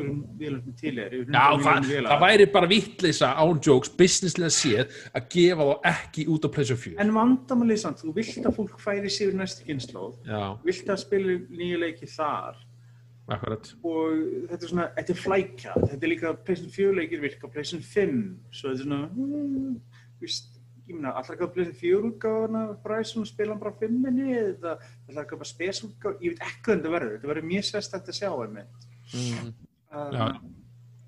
En já, við erum, eins og segi, við erum að fá nokkar leiki sem verða á báðum kynnslóðunum eins og Spiderman. Við reyndar lofa að það verður alltaf með útgafa Spiderman uh, Miles Morales leiknum sem fylgir með uppfærðu útgafa af fyrsta leiknum Já, sem síðast, sem var frábær leikur og mun kera betur, verður eitthvað enhanced, grafíklega séð sem verður reyndir aðtíkisett að sjá það. sem er bara snild ef einhverjum úti er ekki búin að spila PlayStation leik, er að PlayStation leik, play, hana Spiderman leikin á, á PlayStation 4 það mæli ég Frábær hygglilega leikur með. sem er auðvitað að mæla með. Herðu, svo hérna svo kynntu Spiderman Jeps. Já, svo spennum og þá fengum við sjá um þetta aðeins svona úr leiknu, svona gameplay og, og, og Já, keirandi. gerist, gerist það veitir til Já. um, Ég líka tók, ég tók frá kynningunni þegar voru að spila, þegar voru demoð af Final Fantasy, var á, kert á PC sem það er, verður svo útfært það er svo algengt með Já. konsol sem verður útfært á en, en svo eftir það, þá sögðu allir leiki hér eftir eru keiranleir á PlayStation 5, þannig að þeir hérna, þú veist, Já, eftir já. það þá sáum við þeim svo hérna annan Spiderman og, og, og eins og segi, hver, hver held ég að vera munur verður á PlayStation 4 og PlayStation 5 hærri details, uh, hraðarinn alltaf annað hlaðtími uh, og SSD diskun eitt og sér fyrir bæði Xbox-vélina 9 og Playstation verður gríðarlega munur. Allir sem er PS-tölu síðustu árin þekkja munin að fara úr mekanískum harddisk yfir SSD disk. Bara að kveika tölvinu er snögg upp versus hitt eða hlaða eitthvað borð í leik til dæmis Witcher 3 eitthvað Já. og sjá munin að þú ert að nokkra sekundur, tíu sekundur að hlaða borði í stæðin fyrir mínútu og svo kemur einmitt hann að, eins og segi, þú getur stungið notur spila PlayStation 4 útgörnina í PlayStation 5 og, og, og notið hérna hann að distance þar en svo kemur líka því að, leikifrömlitur hafa líka valkost að gera svona, svona betur bættu útgöði svo þeir ætla að gera 3 til að keira, nota PlayStation 5 útgörna sem ég er virkilega spenntur Já, já, það verður ekkert leðilegt, sérstaklega og við fengum þetta að vilja sjá NASA þegar þessi síðustu kynslu með Já. Pro og Xbox One X patchum fyrir leiki sem fengu Akkurat. uppfarað útgáfur og Witcher er mynd gerða líka og ég menna það er Mhm. eitthvað gaman að geta spilað leiki sem keira betur eins og oft eru leik, leikir að hamra frekar stíft á vélanum og keira mismundi vel. Ég er til dæmis mjög spennt fyrir að sjá hvernig Avengers-leikurinn sem kom út með stutt síðan kemur út á PlayStation 5 vegna þess að eins og er keira hann ekki vel á PlayStation 4 Pro hjá mér. Og ég er mjög stoltur að sjá hvernig hann verður hjá hann, ég reynda bara að klára að sækja hann að pats fyrir hann sem er einhver 11 gig sem ávist að laga einhverja þúsund hluti svo erum mjög forðið að sjá hvernig hann virkar eftir það. Já, akkurat.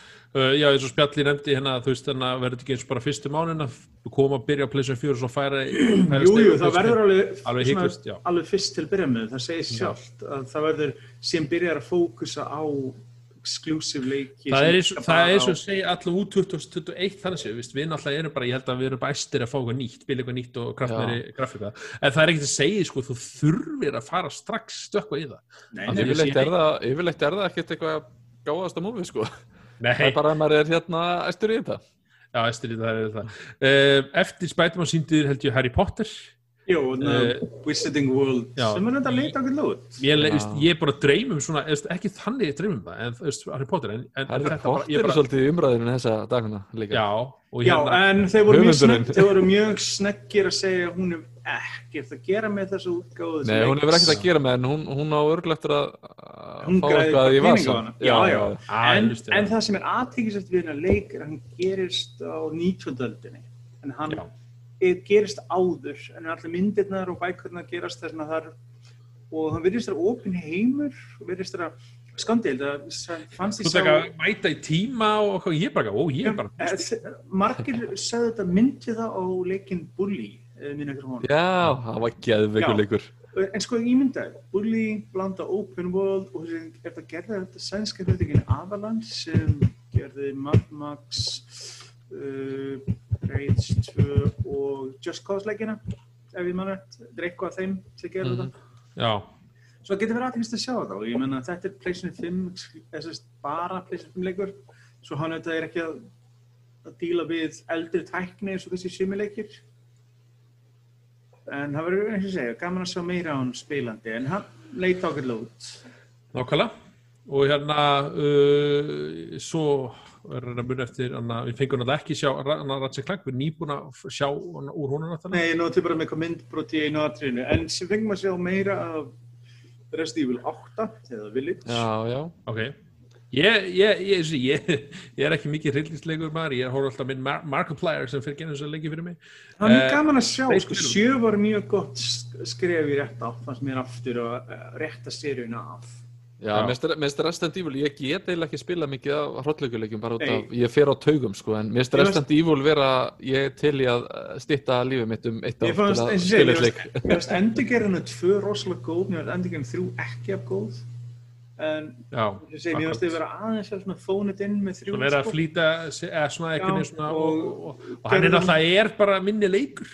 Já, já, þeir bara nýttu, þeir samt kliftu parta úr honum, ég veit ekki, mér finnst það bara ekki ef sterku bakki en tvö er stórfenglulega leikur, endurgerna honum með frábæri allar staði og ógeðslega creepy, my god, og með taugum þessi Mr. Ég X maður þegar hann sko. eftir mér á meðan Nemesis gerir mig ekkert stressaðan til samburðar, Nei, sem, sem hann átt að gera sem var mjög sérstak en þetta leitur svolítið vel út og það verður aðtýrst að sjá. Síðan kom Capcom líka með uppfórútgáð Devil Cry 5 það er með þetta svolítið forðanlega Mhm.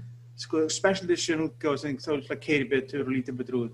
En ég meina, ég á Devil Cry 5 nú þegar á PlayStation 4 er ég fá frí uppfæslu þegar ég kaupa hann aftur? Ég var engu nær þarna sko. Ég, ég skilst að þessi útgáð kom bara á PlayStation 5. Já, það sem ég minna, ég minna, á ég Já. virkil, allar er virkilega til að kaupa leikin aftur til að fá betri útgáð leiknum, ég langar það ekki Nefn að þeir eh, komið einhver 10-15 uppfærslu takk Já, með. ég, ég Það meina, við höfum málið. sé- við hefum séð þetta á bíómyndunum, ég meina, maður hérna tók uppáhaldsmyndina sína upp þegar hann var á RÚV og svo kefti maður hann á spólu og svo kefti maður hann á DFD og svo Blu-ray og svo 4K og svo er hún að stríma núna og maður er áskrift þar. Er þetta ekki bara sami pakki þar? Það er verið að djúsa peninga bara eins mikið og hægt er. Já, nákvæmlega. Já, Um, fleiri leikir, sveit, Deathloop. Uh, Deathloop, já, frá Arcane sem gerði Dishonored-leikina. Mér líst svolítið hann, mér flotti stílinn aðna á honum. já, nákvæmlega. Uh, um hvað er hann alveg? Ég er svona var svona að svona að reyna að átta mig á því. Sko, Sko, það verður sér þannig að þú ert uh, einhver leinmorðingi sem ert á eigu og þú ert, hefur takmarkan tíma að drepa átta mismyndi aðila og síðan þá þarna, sagt, áður með tíma lúpan sem þú ert í, einhverju lokaði lúpu og áður nú hún resetar og þú ert alltaf að læra eitthvað nýtt og nýtt. Þetta er pínu eins og svona uh, hvað heit þessi, róglægleiki sem snýst um það að þú lærir okkur einustu umferð sem þú spilar eitthvað nýtt það var sínt sko, hann var búinn að læra útrás einhverju vísindamanns, læra allan rútínu hans, en saman hvað hann gerði hann gæti aldrei náða hann mannilega en þó hann búinn að drepa hann en hann náði aldrei að sérst að ná fleirum. Og þetta tafði hann alls mikið en síðan fann hann loksins leið til að ná og það tvo karakterinn á listanum sín hittast og eru sama stað þannig að hann náði báðið með eini svo þetta er svona spursmálpínu að hvernig þú getur haft áhrif á heiminn í kringu þig og tengt, eh, allar þessar óvinnur tengdi saman, en það sem skrítnast er auðvitað og aðtækningsast við leikinu að þú ert reyna að drepa einhver átta mann Já. til þess að losna list, að landa að losna á meðan það er einhver einmanniski eftir sem er með bara eitt nafn á listanum og það er þú. Er þetta margi spilar hann að spila? Það er það sem ég er ekki alveg viss sko, Er þetta veist, er hann svona það er málið, ég meina sko er er, erum við með, með einhvern annan spilara sem er að Já. eltast við sig eða er þetta gerfugrindin sem er að ruggla í þér? Já, og hindra þig að ná árangum ég er ekki alveg viss, það væri svolítið sérstak upplifin að þú getur spilað fjölspilun þannig að það er einhver annar sem væri að elta þig. En, en þá myndi þetta maður vilja hafa einhver stjórn á þessu það væri ömulegt einhver bara random getur byrst í leiknuðinum og eðlætt fyrir þér, þú ert búin að drepa 7-8 allt í hennu, kemur hann, haha, skaut í allir, búm, getur svo já, að það byrja er aftur. svolítið svekkjandi.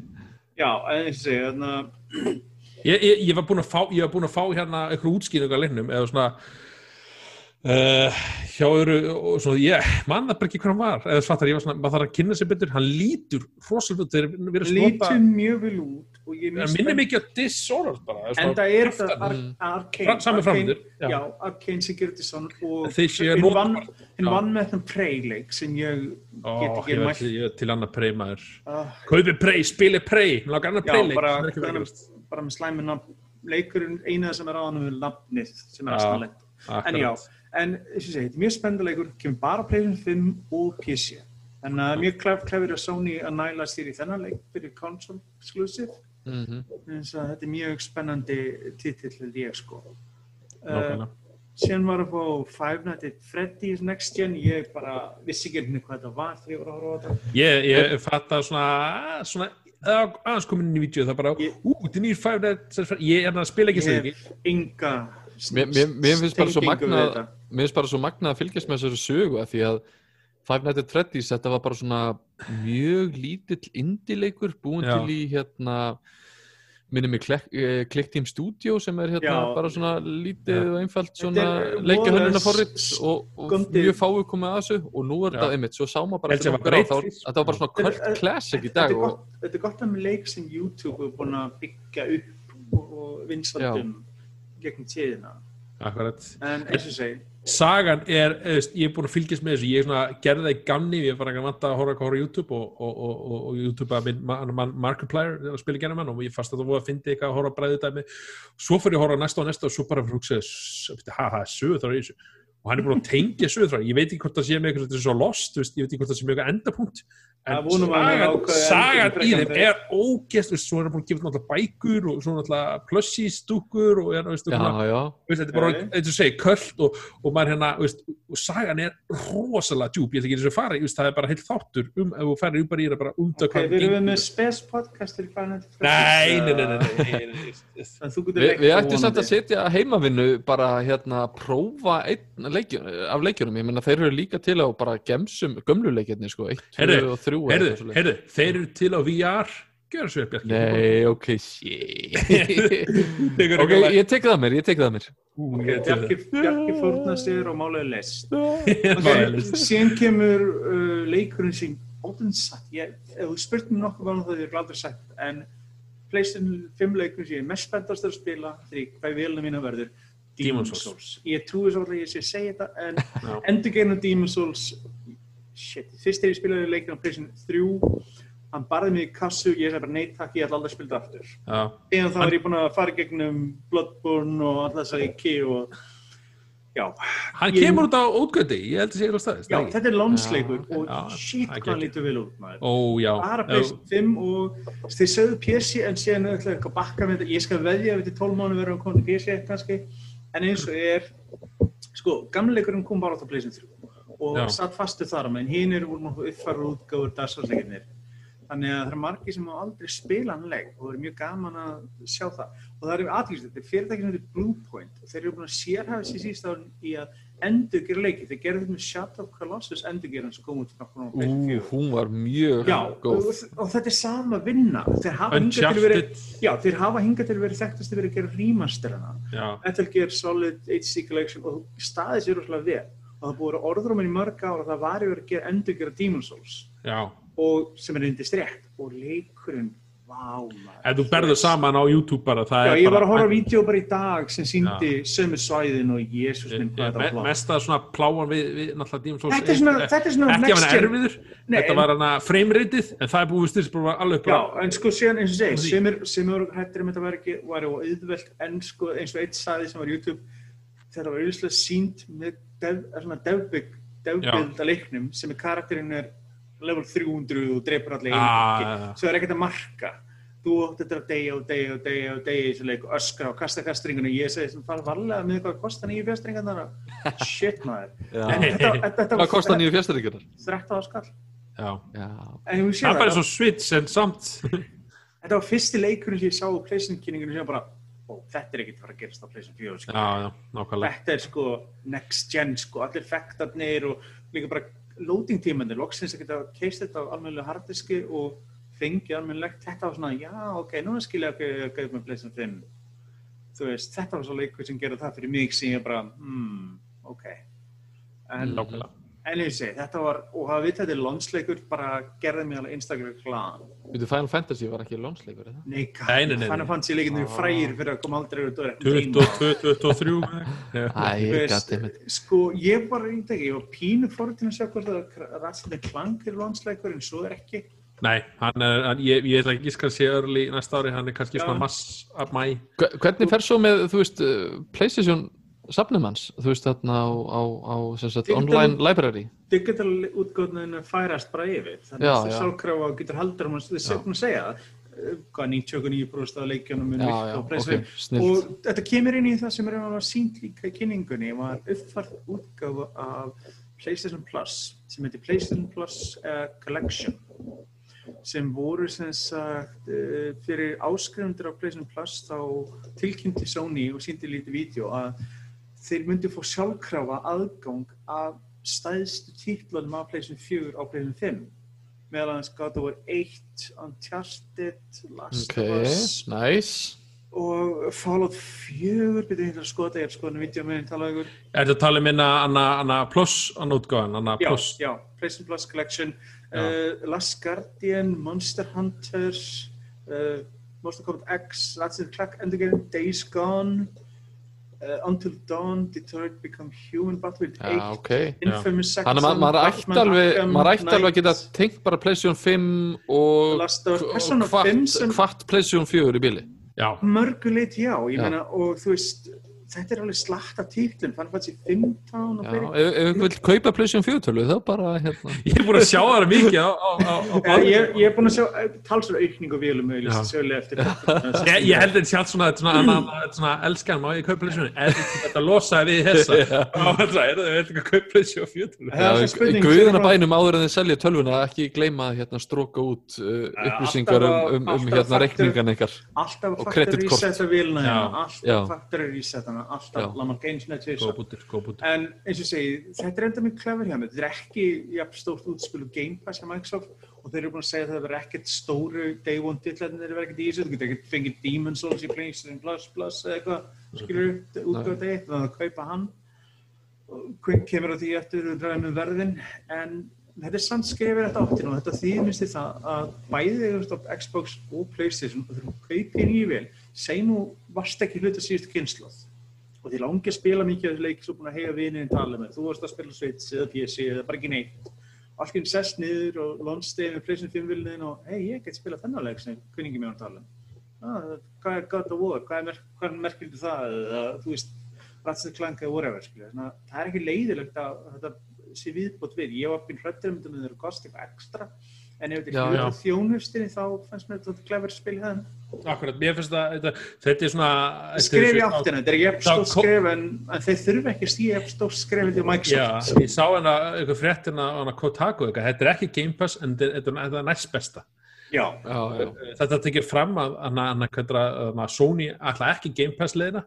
nei, nei, nei þeir Já. telur sig ekki, þurfa það Já, ég plúst það, þeir líka telja, það sé ekki arbeitt svona, þeir lengtra hérna svona, veist, tíma. þeir eru eh, með aðri sem er viðskiptamódel en Microsoft en það líka líka spilar inn í að Microsoft er ekki sem stöðu svo nýju þar leðindi er þeir svolítið aggressívar öðru Já, en það er eitt, eitt, ein ábyrting sem ég sá þetta á fyrstbyrð þetta frá Steinar einmitt að Horizon Zero Dawn er ekki í þessu pínu sest og pínu svekkjandi þess að ég myndi endilega vel að sem flestir spilu þann leik áður en framhaldi kemur út að sé að þennan hlut á PC líka. Hann er, bara, hann er sem bara nýkomin út PC, Já, hann er bara ég- nokkru mánuði sinna hann Ég svona, að, skil ekki og- okkur er það ekki, sko, þannig að ég akkur manni ekki okkur blessa eitthvað tímaleikum Death Stranding? Death Stranding, hann er ekki- Já, hann- já, hann, þeir báðir kom út á Já, hann er náttúrulega ekki Death Stranding, náttúrulega hann er PlayStation 4 Já, og það er eins og sé eitthvað þar sem er að stoppa. Ég veit ekki af hverju ætti að gera það. Nei, nei, ég veit ekki, það verður að tekast að sjá hvort hann kemur setna já, svo henn náttúrulega kynntur hann að fyrir bara í hann að verða vilni Já, tök- taklum það ekki Eh, Já, sem við gera erum búin að- að- að býða eftir og tala um eða kannski áður, bara, við, klárum bara leikina veist, eftir kynninguna þá hennar eða svona, ei, við hefum eitt, eitt viðbót og þá fengum við að sjá hennar God of War hérna, Já, svona teaser bara. er í kitlu, já, hún verið Já. í, í gangi. Já, ég, Ra- ég, Ragnarök. Ragnar, ég var satt af með gæsút bara þegar hann íslenski kóðurinn var að byrja að syngja eftir. Ég bara, Já, já, það var, eins og ég segi. Já, Sko, launchline-upið sem er aðtíkisvært Já. ég, bara- ég, er- ég er með henni fram að minnuna. Það er Astros Playroom sem er innbyggt í vélina sem Já. er uppförðuð það sem er þetta alltaf læg Demon's Souls, Destruction All-Stars sem, uh, baby, booby doo Fortnite uppförðuð yay uh, Cry 5 Special Edition sem verður digital only til að byrja með. Godfall leikurinn sem oh god, svo kynning, ég er ennþá jafna með þetta kynningunum síðast hvað hún leðileg gott fall svo hérna, náttúrulega hérna kemur- Spiderman Valhalla? og Já, Valhalla. já, ég, já, ég er að tala um first party sko og já, já, Sackboy Biggest Venture sem kemur þetta líka á PlayStation 4 það er alveg bara nokkuð svona eins og ég er náttúrulega spenntustu fyrir Ubisoft leikunum og, og Já, ég líka, ég meina, sko, eins og ég er ekki, sko, fyrir mig third party þá er það auðvitað, ég er hriðkala spennt fyrir Saskin Valhalla og West of Legion er líka spennt fyrir ég er svona hikandi og ég er vona að verði, þú veist, solid en eins og segi, það er svona leikindi sem ég langar að, þú veist, sem ég er vonast að spila á day one, það er með uh, Demon's Souls og Assassin's Creed Valhalla sko. ég verður rosalega gladur ef ég verður setjast niður á PlayStation 5 og verður að spila þáleikir sko. Akkurat. Og hérna, já, svo hérna, hérna verðið á vilni, það er hérna kom hérna svo undan. við fengum loksins verðið Já, svo fengum við bara mjög stöttu síðar uh, íslenska verði líka. Var ekki bara Eh, fyndin? bara daginum eftir Já. eftir, já, Já. sem var Þá, sem var mjög sérstætt, það var ánægilegt ég bjóst að vera lengri við tíma milli en já, við Já, já, verðið. ég bjóst líka, ég held að vera ekki alveg strax en þeir sáu greinilega hérna uh, ég sé hérna, Elko var komið strax tilgengur, heyrðu, við getum verið að geta ykkur verðið Já. en að skams og svona alltaf geimstur líka. Já, ég- geimstöðin ég- ég bara- einmitt að- Oh, yes. Ég held að mynda forpuntunin væri kannski þannig að maður myndi henda inn, ég veit ekki, 40-50 skalli Já, Já, og svo myndi maður sjá setna. Já, ég Ég var, hérna- ég var já. svolítið hrættur um að þeir myndi okkur að fórpanduverlina en ekki, veit ekki hvað kosta og bara, að kemur ljós, þetta ekki með nú heimildakortum, Já, já. Mm, þú er bara aftast í rauðina, setni sendingin. Ég já, held að, ég held að, ég held að, þess að segja, fyrsta sending er uppsett, eða ég veit að mig, hún er uppsatt allstar, já, Echo, Gunnar. uh, heimkaup, Tölvutek líka. Vodafone, tölvutek, Já. allir eru uppsendir, Já. Já. eins og leggur sig, þess vegna það er alla vilar ráðstafar eins og er. fyrsta, fyrsta sending á að koma fyrir jól allavega, hún hefur ekki að tala um lok uh, november. No, Já. sko, 19. november útgöðan í Európu, 12. er í Ameríku þannig að við Já. sjáum rosalega, við getum fylgst mjög mikið með útgöður í bandarækjum og sé hvernig hún verður sem ætti að gefa góða hugmyndir um hvernig hlutin verða þegar við fáum þetta veiku setna þetta er sérstakt Nákvæmlega. að við munum horfa á kanan á Xbox-velina og PlayStation-velina í sömu viku og með við sittum og horfum á YouTube og við erum fúlir og fólk sé að opna tölvuna og spila og við erum bara, eða eitthvað halvvita YouTube sem eitthvað eðilegu velina við svona að fá okkur hits á vídeo sitt og menn við erum bara bíðandi hérna bara, well, fine ha, Já, byrju, hvað, hver var aftur álagningin hérna? Var ekki, hvað var ekki þrjú, hvað var það, 499? 499 fyrir digitalvélina 399 fyrir, nei, 499 fyrir diskavélina Já, 399 fyrir uh, digitalvélina sem gerði 79.999 á digital og 96.999 á diskadrifilina. já. Hvor- Þannig að 20 króna álagning cirka hér, eða ekki? Álegin göld, tóllar, fellur Já, allt já. inni. Þú veist, allt inn í, já, já. Á, er rétt, kannski réttar orð, en já.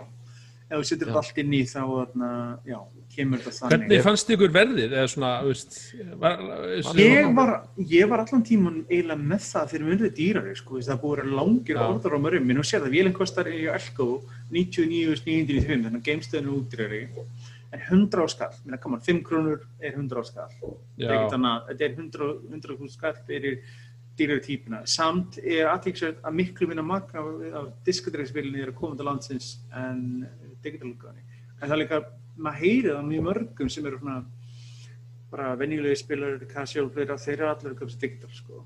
Já, Sem mér, ég, ég, ég ég, persónulega myndi aldrei gera, ég bara neita ekki, ég ætla að borðast það. ég sáum mitt, ég, ég gerði eitthvað svona bara óformlega skoðanakönnun á Nörd Norðsins, þannig að, þú veist, var að spurja hvort þú ætlaði að kaupa diskavélina eða ekki og þá var lang, miklu langflesti sem að sögðu sko ætlaði að kaupa diskavélina en svo Já. núna þegar það er svona búið að kynna vélarnar og verðið að þá verðist þetta snúast við sko Sérstaklega þetta aðtíðsitmenn séu Sony er engin munur og vélóðum. Nei, þú ert með Það er sama bara drifið, hjá Já. Microsoft af þetta ertu á öðruvísi upplifun, svo það er öðruvísi. Bæði stafrænt og vélbúnaðlega, sér, aftur mútið pleysirinn, þetta verðist vera sama vélinn, bara literally aðeins grenri út af ekki drifiðinni. mm, en persónulega vill ég alltaf drifa vegna þess að ef þú ert að, sko, eitt af fyrsta sem fólk þarf að fara að kaupa, ok, þú veist, segjum það, við erum með, segjum það, 19. november vélum kemur út sama dag á Íslandi, við erum að pikka upp vélina okkar, við erum kannski að með okkur eitthvað fjastringu eða eitthvað svoleiðis. Guðan er bara með ekki, ég veit ekki, ég veit ekki með myndalina sem hefur verið að selja, ég, ég sé það bara til að geta leysinu myndalina minni, ég hef aldrei eiginlega notað hana. Ég hef eins notana að vera Kannski, kannski, já, kannski við ekki VR það hefði notað hana með, já, Og tók, ég fekk hann einmitt í jólagjöf, ég tók hann upp og reymitt bara, þú veist, það var ekki, að þetta er þetta kassanum. Ég keift hann á day one á svona fjastringu og hlæðslutöku. Það er endur eina, mér langar í charging stationi fyrir PlayStation 5 fjastringuna, ég ætla að kaupa það. En já, Já. ok, segjum þú, kaupir allt þetta, hvað, segjum fyrir heimið digital útgáfana. Þú byrjar að downloada uh, Demon's Souls, 66 GB, þú downloadar Spider-Man, 100 GB, eða þú kaupir dýra útgáfana sem einheldur Spider-Man 1. Þá ertu komin í hátt í 200 GB af 800 GB strax. Svo síðan setur downloadar War- Fortnite og eitthvað fleira og einhverju fríu titlum sem verður bótt Call of Duty Warzone það Já, kannski, síðan fimm downloadar eitthvað, sem flýju Playson 4 leikum eins og ert með líklast Já, þá ertu bara að koma með, hvað þarf að gera? Sko, eitt sem, ég er ennþá að býða eftir í þegar Markssoni held kynningunni í, í vor á Playson 4 að tala hann rosalega mikið um hardware og bla bla bla sem að vera uh, ekki C, jú, CS, nei ekki CS DDC kynningin, já. Já. að þá var talað um um, expansion á harddrifinu að það var hægt að setja annan drif en við hefum ekkert hirt um það síðan nei, Ég það er er von, og ég er ennþá að býða til því að þeir stíteli meira af vélinn ég er ennþá það að bíða eftir því- einmitt hérna á meðan ég er búin að Já, meðan ég er búin að sjá innvóls expressvölinni frá A til lög, þá get ég ekki sagt það saman um pleysinu sko. Já. ég, Mm. ég er loksins búin að sjá portin en loksins núna baki á henni já, en ég er ennþá að byrja til því. Það, hann íæði því, ég veit ekki hvað mikið rétt í því að það væri pláss í chassíinu fyrir annan disk sem getur keift og sett í. Okay. NVMe eða M2 disk stungið í. Annars þarf það að vera með útilegið USB3 disk til þess að fá meira pláss. Mér finnst eins og ég hefði einhvers staðar hýrt að, að, að hérna, digital útgáðun ætti að hafa minni ég, ég sama, bara, sama herðiskun já, já, akkurat, það er alveg, sko ég, ef ég, hérna, ég er 99% stuð sem það að ég eigi ekki eftir að nota þetta geisladrif, eða diskadrif mikið, sko. En Nei, ég, bara, ég- ég nenni ekki að lendi í þeim aðstæðum að vera bara, ah, erðu, ég get ekki, Ah, eins og kaupir PC-tölu í dag og það er ekki drifi ég man ég ætla að kaupa útilegið drifi með þess að ég ætla að nota eitthvað leik sem ég átti og diskur og ég bara þetta er samt bara, er þetta ekki bara framtíðin? Er þetta Já, ekki bara, bara- er þetta ekki þess að skipti sem við sjáum diskavélar? Ég er bara, það. já, ég, hrættir við það, ég vill ekki vegna þess að, ok, mér langar að fá eitthvað leiklan en Daniel eða því Bjarki. Og Já. þú gamlan leik og þú átt hann disk. Æ nei, ég hef ekki, ég hef ekki disk, hvað, ég taka mynd á hann og við fram tölvuna og segir, viltu installa hann, ég er með diskin, sjáðu. þið Ég, ég er hrættar við fákeppni, þú þú þarft að kaupa leikina það gegnum Sony er málið, hérna verslanir í staðan fyrir að fara í geimstuðina eða völk og allt þetta, Já, sko. það er máli og það er líka máli við vitum það að hinga til bæði hér og erlendis er þannig að útsölur að tilbúða leikjum eru betri á áþrjálega myndtökum en digital.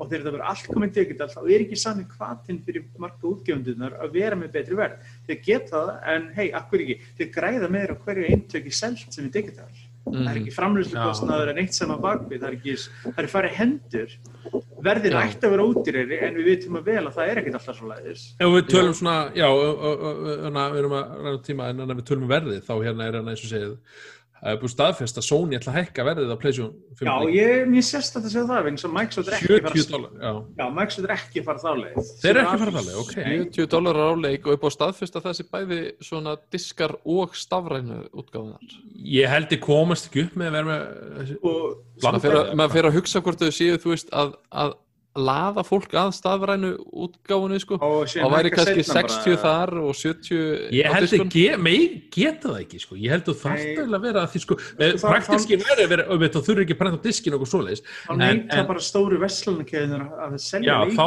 geta ekki það selt er- henni í búðunum sko. Það er Það það bara með þessu, af hverju erum við að fara að leiða ykkur að vera með leiki í hillanum okkur ætla ekki okkur þetta já, akkur, það er Það- sem Þetta er auðvitað svakalega hækkun, ég meina fyrir okkur hér á Íslandi þá getur Já. alveg verið eftir á næsta, að þar næsta ári að venjulegt leikjaverð verði kannski 12 til 14, 15 áskall. Já, þeir erum- komnir oft í 12 Já, ég sko, Já, það er svona háuleikinir, það verður Já, það já. kannski lága markmið, lága Já, markmið. En sko vandamálið það er, sko band, þetta snýst alltaf, þessi umræð er alltaf um bandaríkin. Bandaríkin, bandaríkin, bandaríkin, bandaríkin, 60 dólar. Mm. Þeir eru búin að America, F yeah okay. Já, sko þeir eru að upplifa einhverja utopíu sem þeir hafa ekki sér hækkun og leikjöfur í árum sama. Alls þar annars þeir í heiminum höfum við löngu tekið hann að pakka. já, Það sem ég er ósattu við það, ef ég þarf að að taka með verðhækkun út því að kanin er að fá, en nú þegar eru allir þessu útgefundur Ubisoft í og að nú þegar að fá meiri pening frá mér vegna þess að verðið er herra í Európu og annars rétt. heiminum á leikjum. Við erum ekkert að borga eitthvað 60 dólar, við erum ekki gert það síðan bara fyrst 10-15 ára síðan eitthvað. Við svo að svo fer peningurinn til bandaríkjan einhvern veginn og Og það, það er ekki, eins og segi, verðin er ekki bara að reykja til gengis, það er líka álugur frá ellendis, frá, frá dreifingaralunum sjálfum og algjörlega Við erum að borga 10.000 skatt fyrir leikin er ekkert 60 dólar. Þannig ef þeir hækkar allir 10 dólar, hvað því það? Það hækkar okkur líka. Þannig að þeir fá allir meira í Európu frá okkur á ný. En En- sem að við miðum oftast við, er það ekki frekar efrur og, og pund eða eru það Við, dólarar? við, við, sko, eins og segja, en þetta er alltaf þetta general pæling 60 dólar golden dæmið er alltaf að tala um það, en það er bara í bandaríkjum. Mm. Alls þar annars það er það dýrara og þess vegna þetta er svo asnalegt að ok, Ég fór í þeir þetta, eru- já, Það er ekkert er óðurlegt að verði hekki í bandaríkjum en ég finnst meira óðurlegt að ég verði hekki á mér því að ég er lungu búin að taka á mig einu aukað kostnað sem þeir eru ekki búin að gera. áhugavert, áhugavert. Uh, já, en hvernig fannst ykkur svona kynningin almennt svona, eða þú veist það sem við fengum, loksis verð og, og loksis útgæða og við erum allir konið með eintak svona í forböndun, eða ekki? Já. Jú, jú, ég þorði ekki að býða sko, ég var ekki alveg viss hvort ég ætlaði að forpanta ekki en ég þorði ekki að býða sko. ég, ég sagði við alla sem ég þekkti sem og hafði einhvern áhuga á guðanabænum eða allar pikkleikuna keft Þá eru tveir í vinninu minni sem bara, eru bara núna í dag bara, af hverju pantaði ég ekki?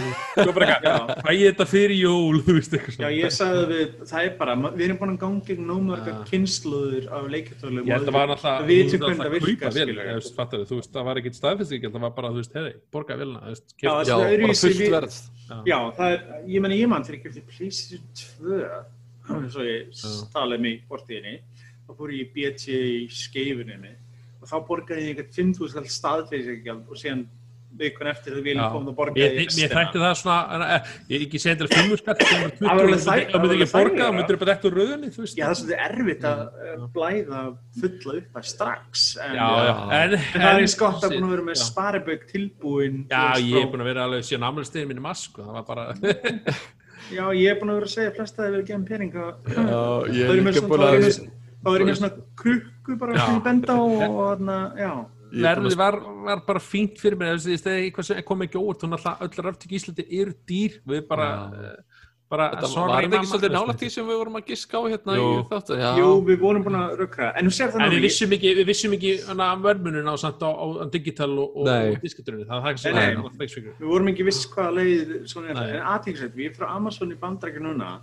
og sko Spiderman leikinn þá er hann auðlistur á 50 dólar ekki 60, ekki 70 50, PlayStation 5 eða PlayStation 4 PlayStation 5 Ú, En já, það sem ég ætla að reynda einu að segja, þeir segja frá 50 dólar til 70 en ég gruna, sko, það að PlayStation 4 útgöðan að vera ennþá ótill Já, sko útgefndir hafa menn það, aftur á móti ef ég sko Demon Souls og Destruction All-Stars leikur ég myndi aldrei borga þetta verð fyrir.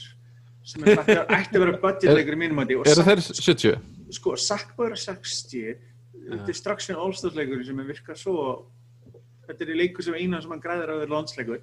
Hann er á 70 og Souls er á 70 Já, síðan eru aðri leikir ekki verðlæðir eins og er, þess vegna þetta er mjög sérst að sjá. Það eru sumi leikir sem eru verðlæði dýrari og aðri ekki. Þess En hérna, kom góð ábyrting frá hana vinn okkar hana Hallbindi, hann sagði neytindalögin segja að fyrirtæki verða að gefa fullt verð. Ekki lengur hægt að borga staðfestingagjald Mm. Það meikar alveg sens þú veist, það verður svolítið fúlt og svo bara, herði, já, þú er búin að borga 40 skall. Þið ekki- 180 eða eitthvað? Já, ok. þú verður að vita hvað þetta það er það meikar sens. Já, Já. ég get alveg skilja, ég er, er ekkert ósáttið við það. Nei, nei, nei, bara- ég- ég, bara, ég vil alveg vita nákvæmlega hvað ég er komin út í. Ég vil ekkert segja þetta bara óvilt vilt ávísun sem er endalist að bæta við Já. og svoleiðis. En eins og sé, við erum loksins komið verð við verðum með hann með einhverja, einhverja leiki útgáfu og nú Vonandi við fyrir, bara- jó, nei, nei, nei, Já, lok við erum núna bara að býða, ég býst við oktober þá ættir sem að skýrast þetta á Íslanda almennilega. Og sjáum við loka niðurstöðinu hvernig verður. Það verður svo leið eftir að vera að kaupa upp cyberpunk og býða svo eftir nú hana viku eða tvær hérna að PlayStation 5 kemur upp. Það væri glatað sko. Æ, ég ætla að ég, ég voru glætt að enda að köpa Cyberpunk á PC og Já, ég reynda, ég, ég, ég sé það ekki, ég er á Witcher og svolítið verðum platamum Já, en hérna, já, ég held að þetta sé bara þátturinn í dag, um, þetta kvöld, það er að Við segja erum og minnst ekki næsta þætti að pæli hvað vélinn kostar, hvernig hún kemur út, við erum múndi að tala um leiki og hvað erum spenntir og hvað erum að spila og hvað erum að gera Já, og líka þess að- Hvað viðmótið. Notenda viðmótið líka. Já, Það er næsta þetta, vorum við ekki að ræða um það? Nei. Já, eins og segi, við erum ekki henni búin að svo Hvað vorum nota við að tala. um? viðmóti, ég get sagt eitthvað um Xbox viðmótið ég þess að er með það í Xbox-stöldinu minni nú þegar. Við hérna verðum að ræða um þessa vélar alveg bara fram ég er að vona að að fara eins með deep dive í vélinn næst. Og opna hana bara bókstallega og lefa okkur að sjá hana þess Já, ég held að allir þeir gera það, er ekki alltaf einhverjir svona aðri grúskar Já, en meina Microsoft gera, Microsoft buði bara blaðamönnum til sín og Já, ég er að reyndi segja- að sundi og leiði með þess að setja þær saman. Já. Veistu þú þetta klefur hjá þeim, þeir sína bara vélunar, þetta er ekki vélar sem virkar. nýslega. engin fyllir, bara hana Nei, það bara, þú getur séð kælingun og allt saman, það er ekkert falið, það er bara allt saman, þú getur opnað allt saman. Mér langar að sjá Sony gera eitthvað svipað, mér langar að sjá það. Hvað er, ég meina þess að ég er bara ég meina mannfast þessi þjúvelin pínu junkie, en eh, hún virkar. Nákvæmlega. Við hérna, ég segi, við erum allir mjög spettir við þessu og hlökkum til að kona mín er ekki eftir spennt fyrir útlituna vélni, ég verður ekki að kona Nei, mín, og þú getur ekki sett hann eitt skáp eða, eða ég veit, kona vill að þetta sé fyrir aftan sjónvarpir er bara Já, ég sá, ég sá á hérna, hvað var törleikasamfélaginu eða Playstation annarkvort, þá var einmitt eitthvað sem að kom og sagði, heyrðu uh, Playstation 5 pasta, passar ekki í besta uh, IKEA skápin sem er mjög ég sá það.